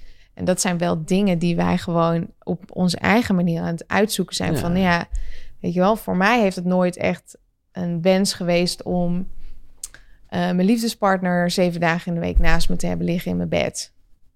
Weet je wel, ik vind het heel leuk als Wiggert gewoon vijf dagen weggaat. Of ik heb mijn eigen Ja. appartement in eh, Amsterdam waar ik woon. En eh, ja, we zoeken elkaar op. Ja. Ja, ja dus dat. Mooi. Ik heb vragen van eh koekeroekies gekregen via Instagram. Oké. Iemand die wil graag bij je werken. Nou, de- Gezellig. Doe het even lekker zelf. Maar ja, het mag lint, hoor ik net. Ja, Eh Rox Fox, die stelt de korte vraag. Ben je medium? Zou je dat zo zeggen? zou ik nooit zo zeggen. Nee. Oké. Annabel, een persoonlijke. Zouden jij en Wiggert ooit nog een tweede, derde voor jouw kindje willen? Oh, heb je ook Eh, nog een ander kindje? hè? Ja, ik heb... eh, oh ja, oké. Ja. Ehm, ik, heb, eh, ik heb een kindje ge... Ik was zwanger. En mijn kindje, mijn dochtertje Oh ja. destijds ben ik verloren. Ja. En eh, dus is Lea mijn tweede dochter. Oh ja. Maar wij nemen geen derde kind. Nee. Oké. Hoe kan ik, eh, dit is Anne Keersten, schrijfster, hoe kan ik mijn dochter van vijf jaar helpen om te blijven wie ze echt is? Ik lees gewoon voor, hè? En ik zie daar een andere vraag en misschien dat die daar eh, leuk in meegaat. Yoga met Gea. Dit zijn allemaal Instagram-namen. Die, eh, die stelt de vraag: heb je tips voor een bewuste opvoeding? Ja. En ik denk dat dat hand in hand gaat, toch? Ja. Ja. Ehm, aanhakend op de vraag die eerst gesteld werd. ehm, vijf stappen terugzetten. Vijf stappen terugzetten. Dus geef je kindje in godesnaam de ruimte om te zijn wie ze zelf is. In plaats van dat wij denken vanuit moederschap of wat dan ook, dat wij iets moeten doen om zodat zij kan zijn wie zij is. Wij hoeven daarvoor niks te doen. Wij faciliteren ruimte. Kan je ruimte en vertrouwen geven aan het kind, zodat zij de backbone voelt van mama. en het hart van mama en van haar vader. Zodat de stappen die ze zet vol vertrouwen is. Zitten wij vol op het kind? Of gaan wij überhaupt al conceptueel denken? Hè? Dus dat is Ja, al ja. denken, hoe kan ik nou mijn kind laten zijn zoals is? Geven we dus ook al een sign, hè? want alles is energie. We communiceren met, weet ik veel hoeveel procent, Ja. 70, 80 procent non- non-fysiek. Geven we eigenlijk al een reflectie af aan het kind van, oh, ik mag blijkbaar niet zijn wie ik ben en wie ben ik dan? En dan zijn we aan pingpongen. En dan zou ik zeggen, step away from de pingpongtafel en geef, geef het kind het ruimte. Ja. Dit is een onderwerp, ik weet niet of je daar bewust van bent, maar ik zit nu eventjes door die vraag te scrollen. Ik had ze nog niet gelezen. Allemaal moeders. Best wel, ja. Oh, Nee, ja, niet alleen maar, maar wel dit onderwerp over hier, eh, lichtpunt van liefde. Die zegt, yes, yes, yes, hier word ik blij van. Het feit dat jij komt, dat had ik aangekondigd. Graag meer over haar visie over opvoeding. Nou, dat hebben we net gehad. Maar is dit iets... eh, Nee. Ja, ik schrijf eh, soms mijn hart leeg Ja. met briefjes van lieve Lea. En die, eh, die doen het heel goed. Er komt wel een tweede boek van mij aan... wat over eh, moeders, spiritueel moederschap Kijk, gaat. nou, dat heb je dus zelf al eh, Ja. top. Oké. Ehm, even kijken. Nou, dan is het laatste... Nou ja, nou ja ik, eh, laat ik de laatste over opvoeding doen dan. Dan kom je de volgende keer maar... Als dat over, ja. Heb je wel eens nagedacht om eh, jullie dochtertje te unschoolen? Dus geen school. Eh, nou ja, we, we, we doen dat nu momenteel niet. Want ze is gewoon vrij. Ja? Punt. Dus Lea, die, eh, die is pas sinds twee weken naar een antroposofische kinderopvang. En eh, dat is omdat onze kleine heel veel zin heeft om te spelen met Ja, andere gelijkgestemden die Exact, ook exact. drieënhalf zijn Ja. en niet, eh, hè? Dus dat. En als Lea naar de basisschool gaat, gaat ze uiteraard niet naar de basisschool. Ik zou niet weten hoe ik dat recht moet krijgen met mezelf. hey, mama heeft de school voor volwassenen opgericht. Maar jij gaat gewoon lekker naar de basisschool. Joejoe, weet je wel. Dus ehm, ik heb het, ik heb, ik, I'm fortunate to, om een, eh, om een, eh, ik ben een zakelijk adviseur van een nieuw op te zetten kinderschool. Die gaat plaatsvinden op de Hilversumse Hei. Kan ik nog niet heel veel over vertellen. En eh, daar gaat Lea naar op school. En Wauw. dus dat is helemaal gericht op twee uur binnen leren en de rest van de dag buiten leren in de bossen. Dus eh, dat is wat Lea gaat doen. Ja, Duidelijk. Ja. Tof dat ze in de podcast zit. Boek is zo mooi. Wordt vast een hele mooie. Nou, Vanessa, dankjewel. thanks. Rooie Ries, voel je je soms nog eenzaam en onbegrepen, ondanks alle liefde die je ontvangt? Eh, nee, omdat liefde buiten de tijd en ruimte reist. Dus ik voel zeg maar de enorme amount van liefde en gedragenheid van de community die er om me heen is ontstaan. Dus ik denk dat ik miljoenen liefdes, ja, zoveel liefde heb ontvangen van in de hè, fragmenten die hier in het teeglas zitten van Marieke Ja, ja. van Meijeren toen ze geïsoleerd was. Dus nee, dat ervaar ik niet meer, nee. Irm die vraagt, wat is jouw verbinding met God? continuïteit. Gewoon continu. Jo, Jannik, interessant om te weten wat haar visie is over burn-out en herstel. Volgens mij hebben we het daar net over gehad, hè? Ja, Ja. ja, nee, eh, Ja. Eh, ja, Bas met heel veel S'en, die, eh, ja, hoe kijk jij tegen verlichting aan, zoals we dat kennen uit verschillende opvattingen? Ja, hoe zie jij verlichting? Dat is, er zijn mensen heel erg mee bezig. Ik zie verlichting in als het moment in je moment op aan zichzelf met het glas weer. Ja. Maar je hebt een, een verstoring, een ruis in je veld. En je voelt je off, om het even zo te zeggen. En je hebt de moed om het te voelen. Dan is dat een moment van verlichting. Ja, dus het zijn momenten. Het zijn momenten van verlichting. En op een gegeven moment Mooi. worden die momenten zo uitgestrekt, natuurlijk. Ja, Ik bedoel, eh, voor jullie beeldvorming, toen ik eh 3, 24 was, eh, was ik super gestrest. eh, zat ik aan de kook en dronk Nee, ik elke dag een fles wijn naar achteren. Was ik echt niet een happy camper. Dus dat even te nemen, dat was dus mijn volle 100% En zeg maar in de afgelopen jaren is dat helemaal omgekeerd. Hè? Dus door al die kleine verlichtingsmomentjes is er een soort uitgestrektheid of een soort enorme landscape ontwikkeld in mezelf. En teruggekomen thuis dat er een soort rust is. Een soort alomvattende Oh, rust. Maar of Ja. we dat allemaal verlichting willen noemen of wat dan ook. precies. Ja. Leonie, wanneer en hoe ben je erachter gekomen dat jij transcendente reizen kan maken? Nou, dat deed ze dus als kind al. Ja. Eh, link je mensen in de beschrijving. Oeh, nou, Nieuwe Wereld hebben we het ook wel met je over gehad. Eens even kijken. Nou ja, heb je nog... ehm, Nou, dat is wel een leuke vraag eigenlijk. Wat is bewustzijn, wil Pauline weten. bewustzijn. Bewustzijn is hetgene in het veld wat de energie kan waarnemen op een bepaald niveau. Dat is bewustzijn. En ook bewustzijn, ja. ja. Ja. Hmm. Ja, en Christel, die zegt... Hoi Marieke, wilt u een stukje voorlezen uit Rise? Dankjewel. Oké. Crystal was hier. Vind ik ook wel geinig. Heb je zelf een specifiek... eh, Nee, kies maar gewoon eh, iets. Ja? Ja. Ik zit even te kijken waar ik zelf allemaal iets heb eh, omgeslagen. Nou ja, laten we gewoon... eh, Ja, het is misschien een beetje een random stukje, maar ik vind het toch wel heel mooi. Dus dit is hem gewoon. 188 naar 88 is mijn favoriete getal. Dus een stuk uit Rise, een eh, spirituele autobiografie, een zielactivatieboek, zei ik al, vind ik fucking mooi. Van Marieke van Meijeren. Het is, eh, nou ja, het is echt wel een bijzonder boek om te lezen. Oké, here we go. Dit komt uit het hoofdstuk. Ja, precies. Eh, nee, The Voice of the Mother. Ik dacht heel even, oké, komt-ie. Minuten, uren en dagen heb ik hout gehakt. Omgevallen bomen, door het bos heen getrokken. Takken verzameld, houtstapels gemaakt. Samen in het bos, steeds terug naar het bos. Een vuur, wauw, wat rijk. Een open fik, een grote fik zo plat op de grond, op de aarde. Nachtenlang, urenlang, starend in een vuurzee. Na het eerste jaar voelde ik me zakken in de aarde, wat later moeder aarde bleek te zijn. Hij, Max, gaf me zoveel cadeaus. Hij kwam uit de aarde.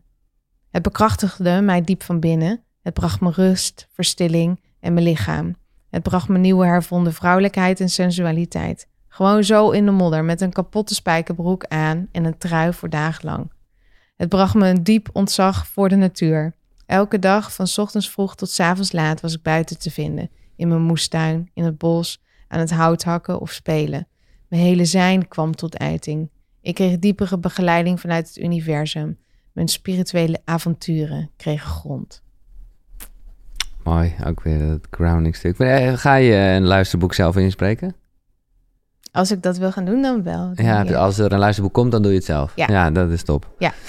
Ehm, ja, we begonnen ermee omdat, eh, nou ja, dat ook de leidraad is voor, voor Rise en misschien voor je leven. Ik heb je ooit eens een keer ergens horen zeggen dat het jouw ticket to freedom was. Vandaar ook mijn vraag of je dankbaar was dat je op je zestiende met je Honda tegen een lantaarnpaal knalde. Ja. Hoe kijk je aan tegen de dood?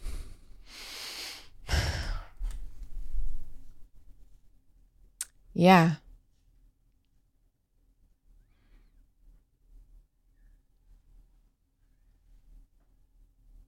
Er zijn, er, zijn, er zijn twee wegen.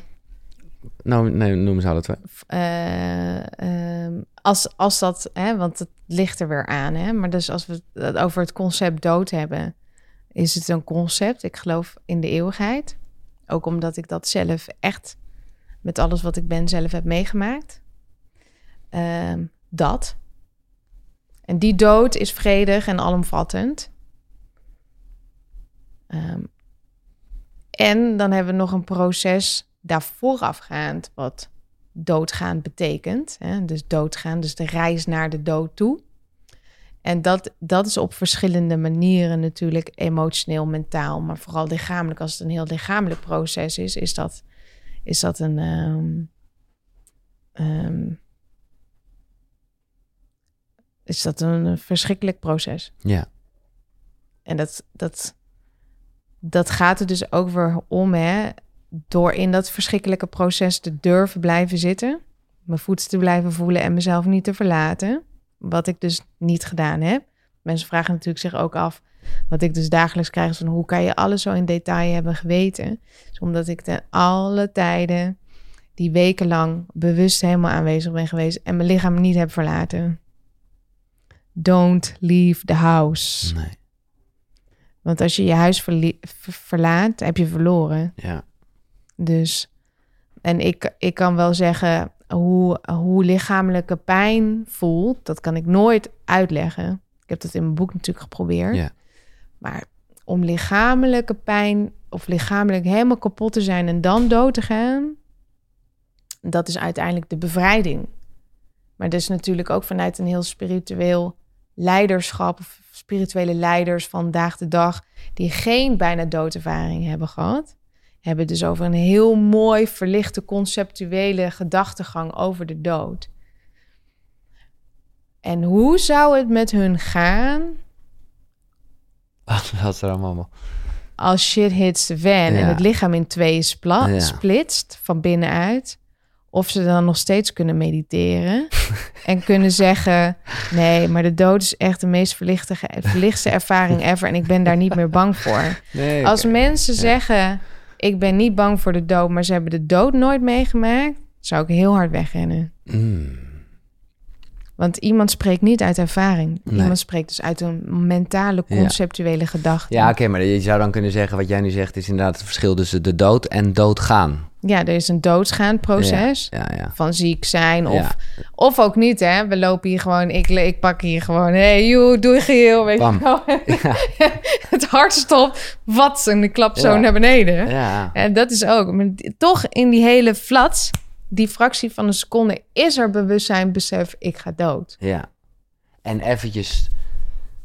Dan is het gewoon... Dan, dan zie je licht en de wereld aan je voorbij schieten.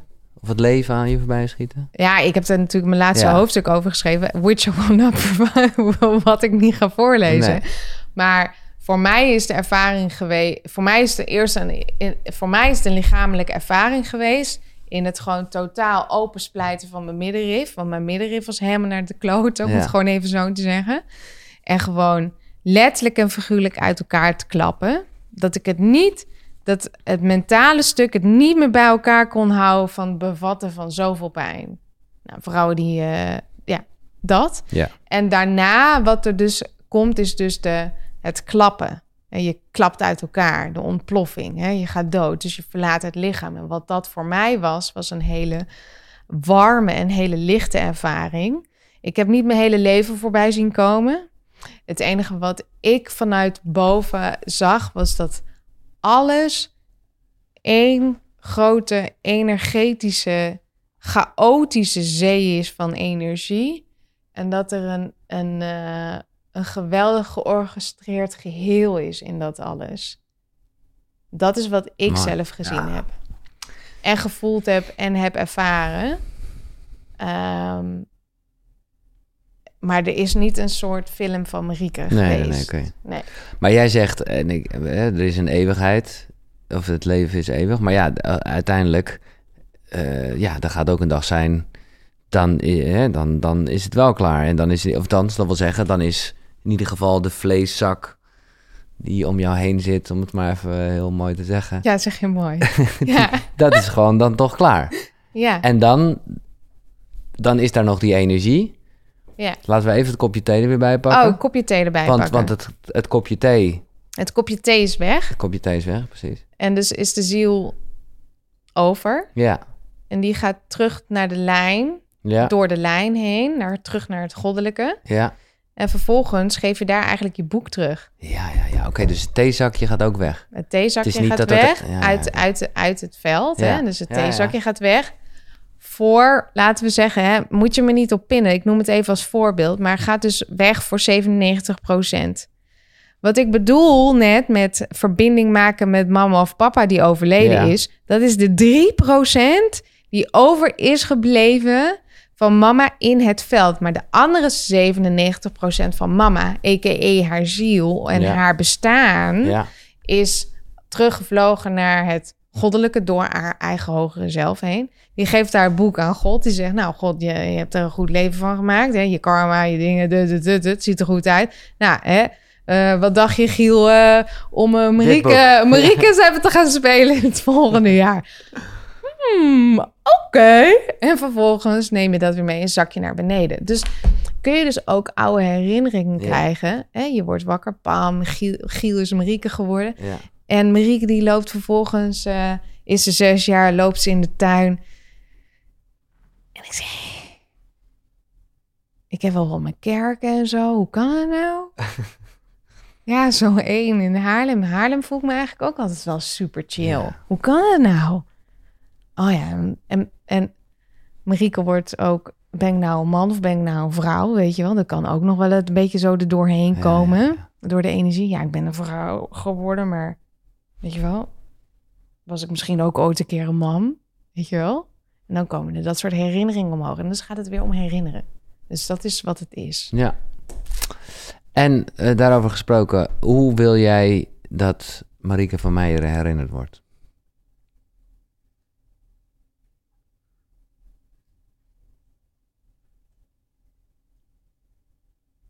Eh, het, enige, het enige wat ik is een beetje is Engels, maar het enige wat ik dan denk wat is zou, she was real.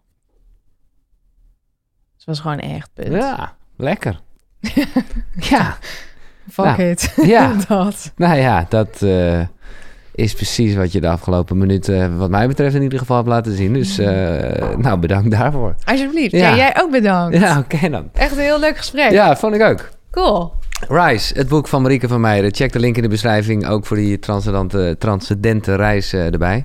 En eh, ook de boeken, tips en toestanden vind Ja. je op eh, koekeroe.nl slash Marieke. Zo simpel is het. Ja, cool. Koekeroe.nl slash Marieke. Eh, dankjewel voor het luisteren. Doe vooral iets eh, om Koekeroe nog groter te maken. Deel het bijvoorbeeld op je Instagram als je dit gehoord hebt. Of eh, laat een reactie onder bij YouTube waar je ook kan abonneren. Of doe nog eens een keer een, eh, hoe noem je zoiets? Een, een, een eh, zeg dat ik weer, vijf sterren, een rating. Oh ja. Een rating op iTunes.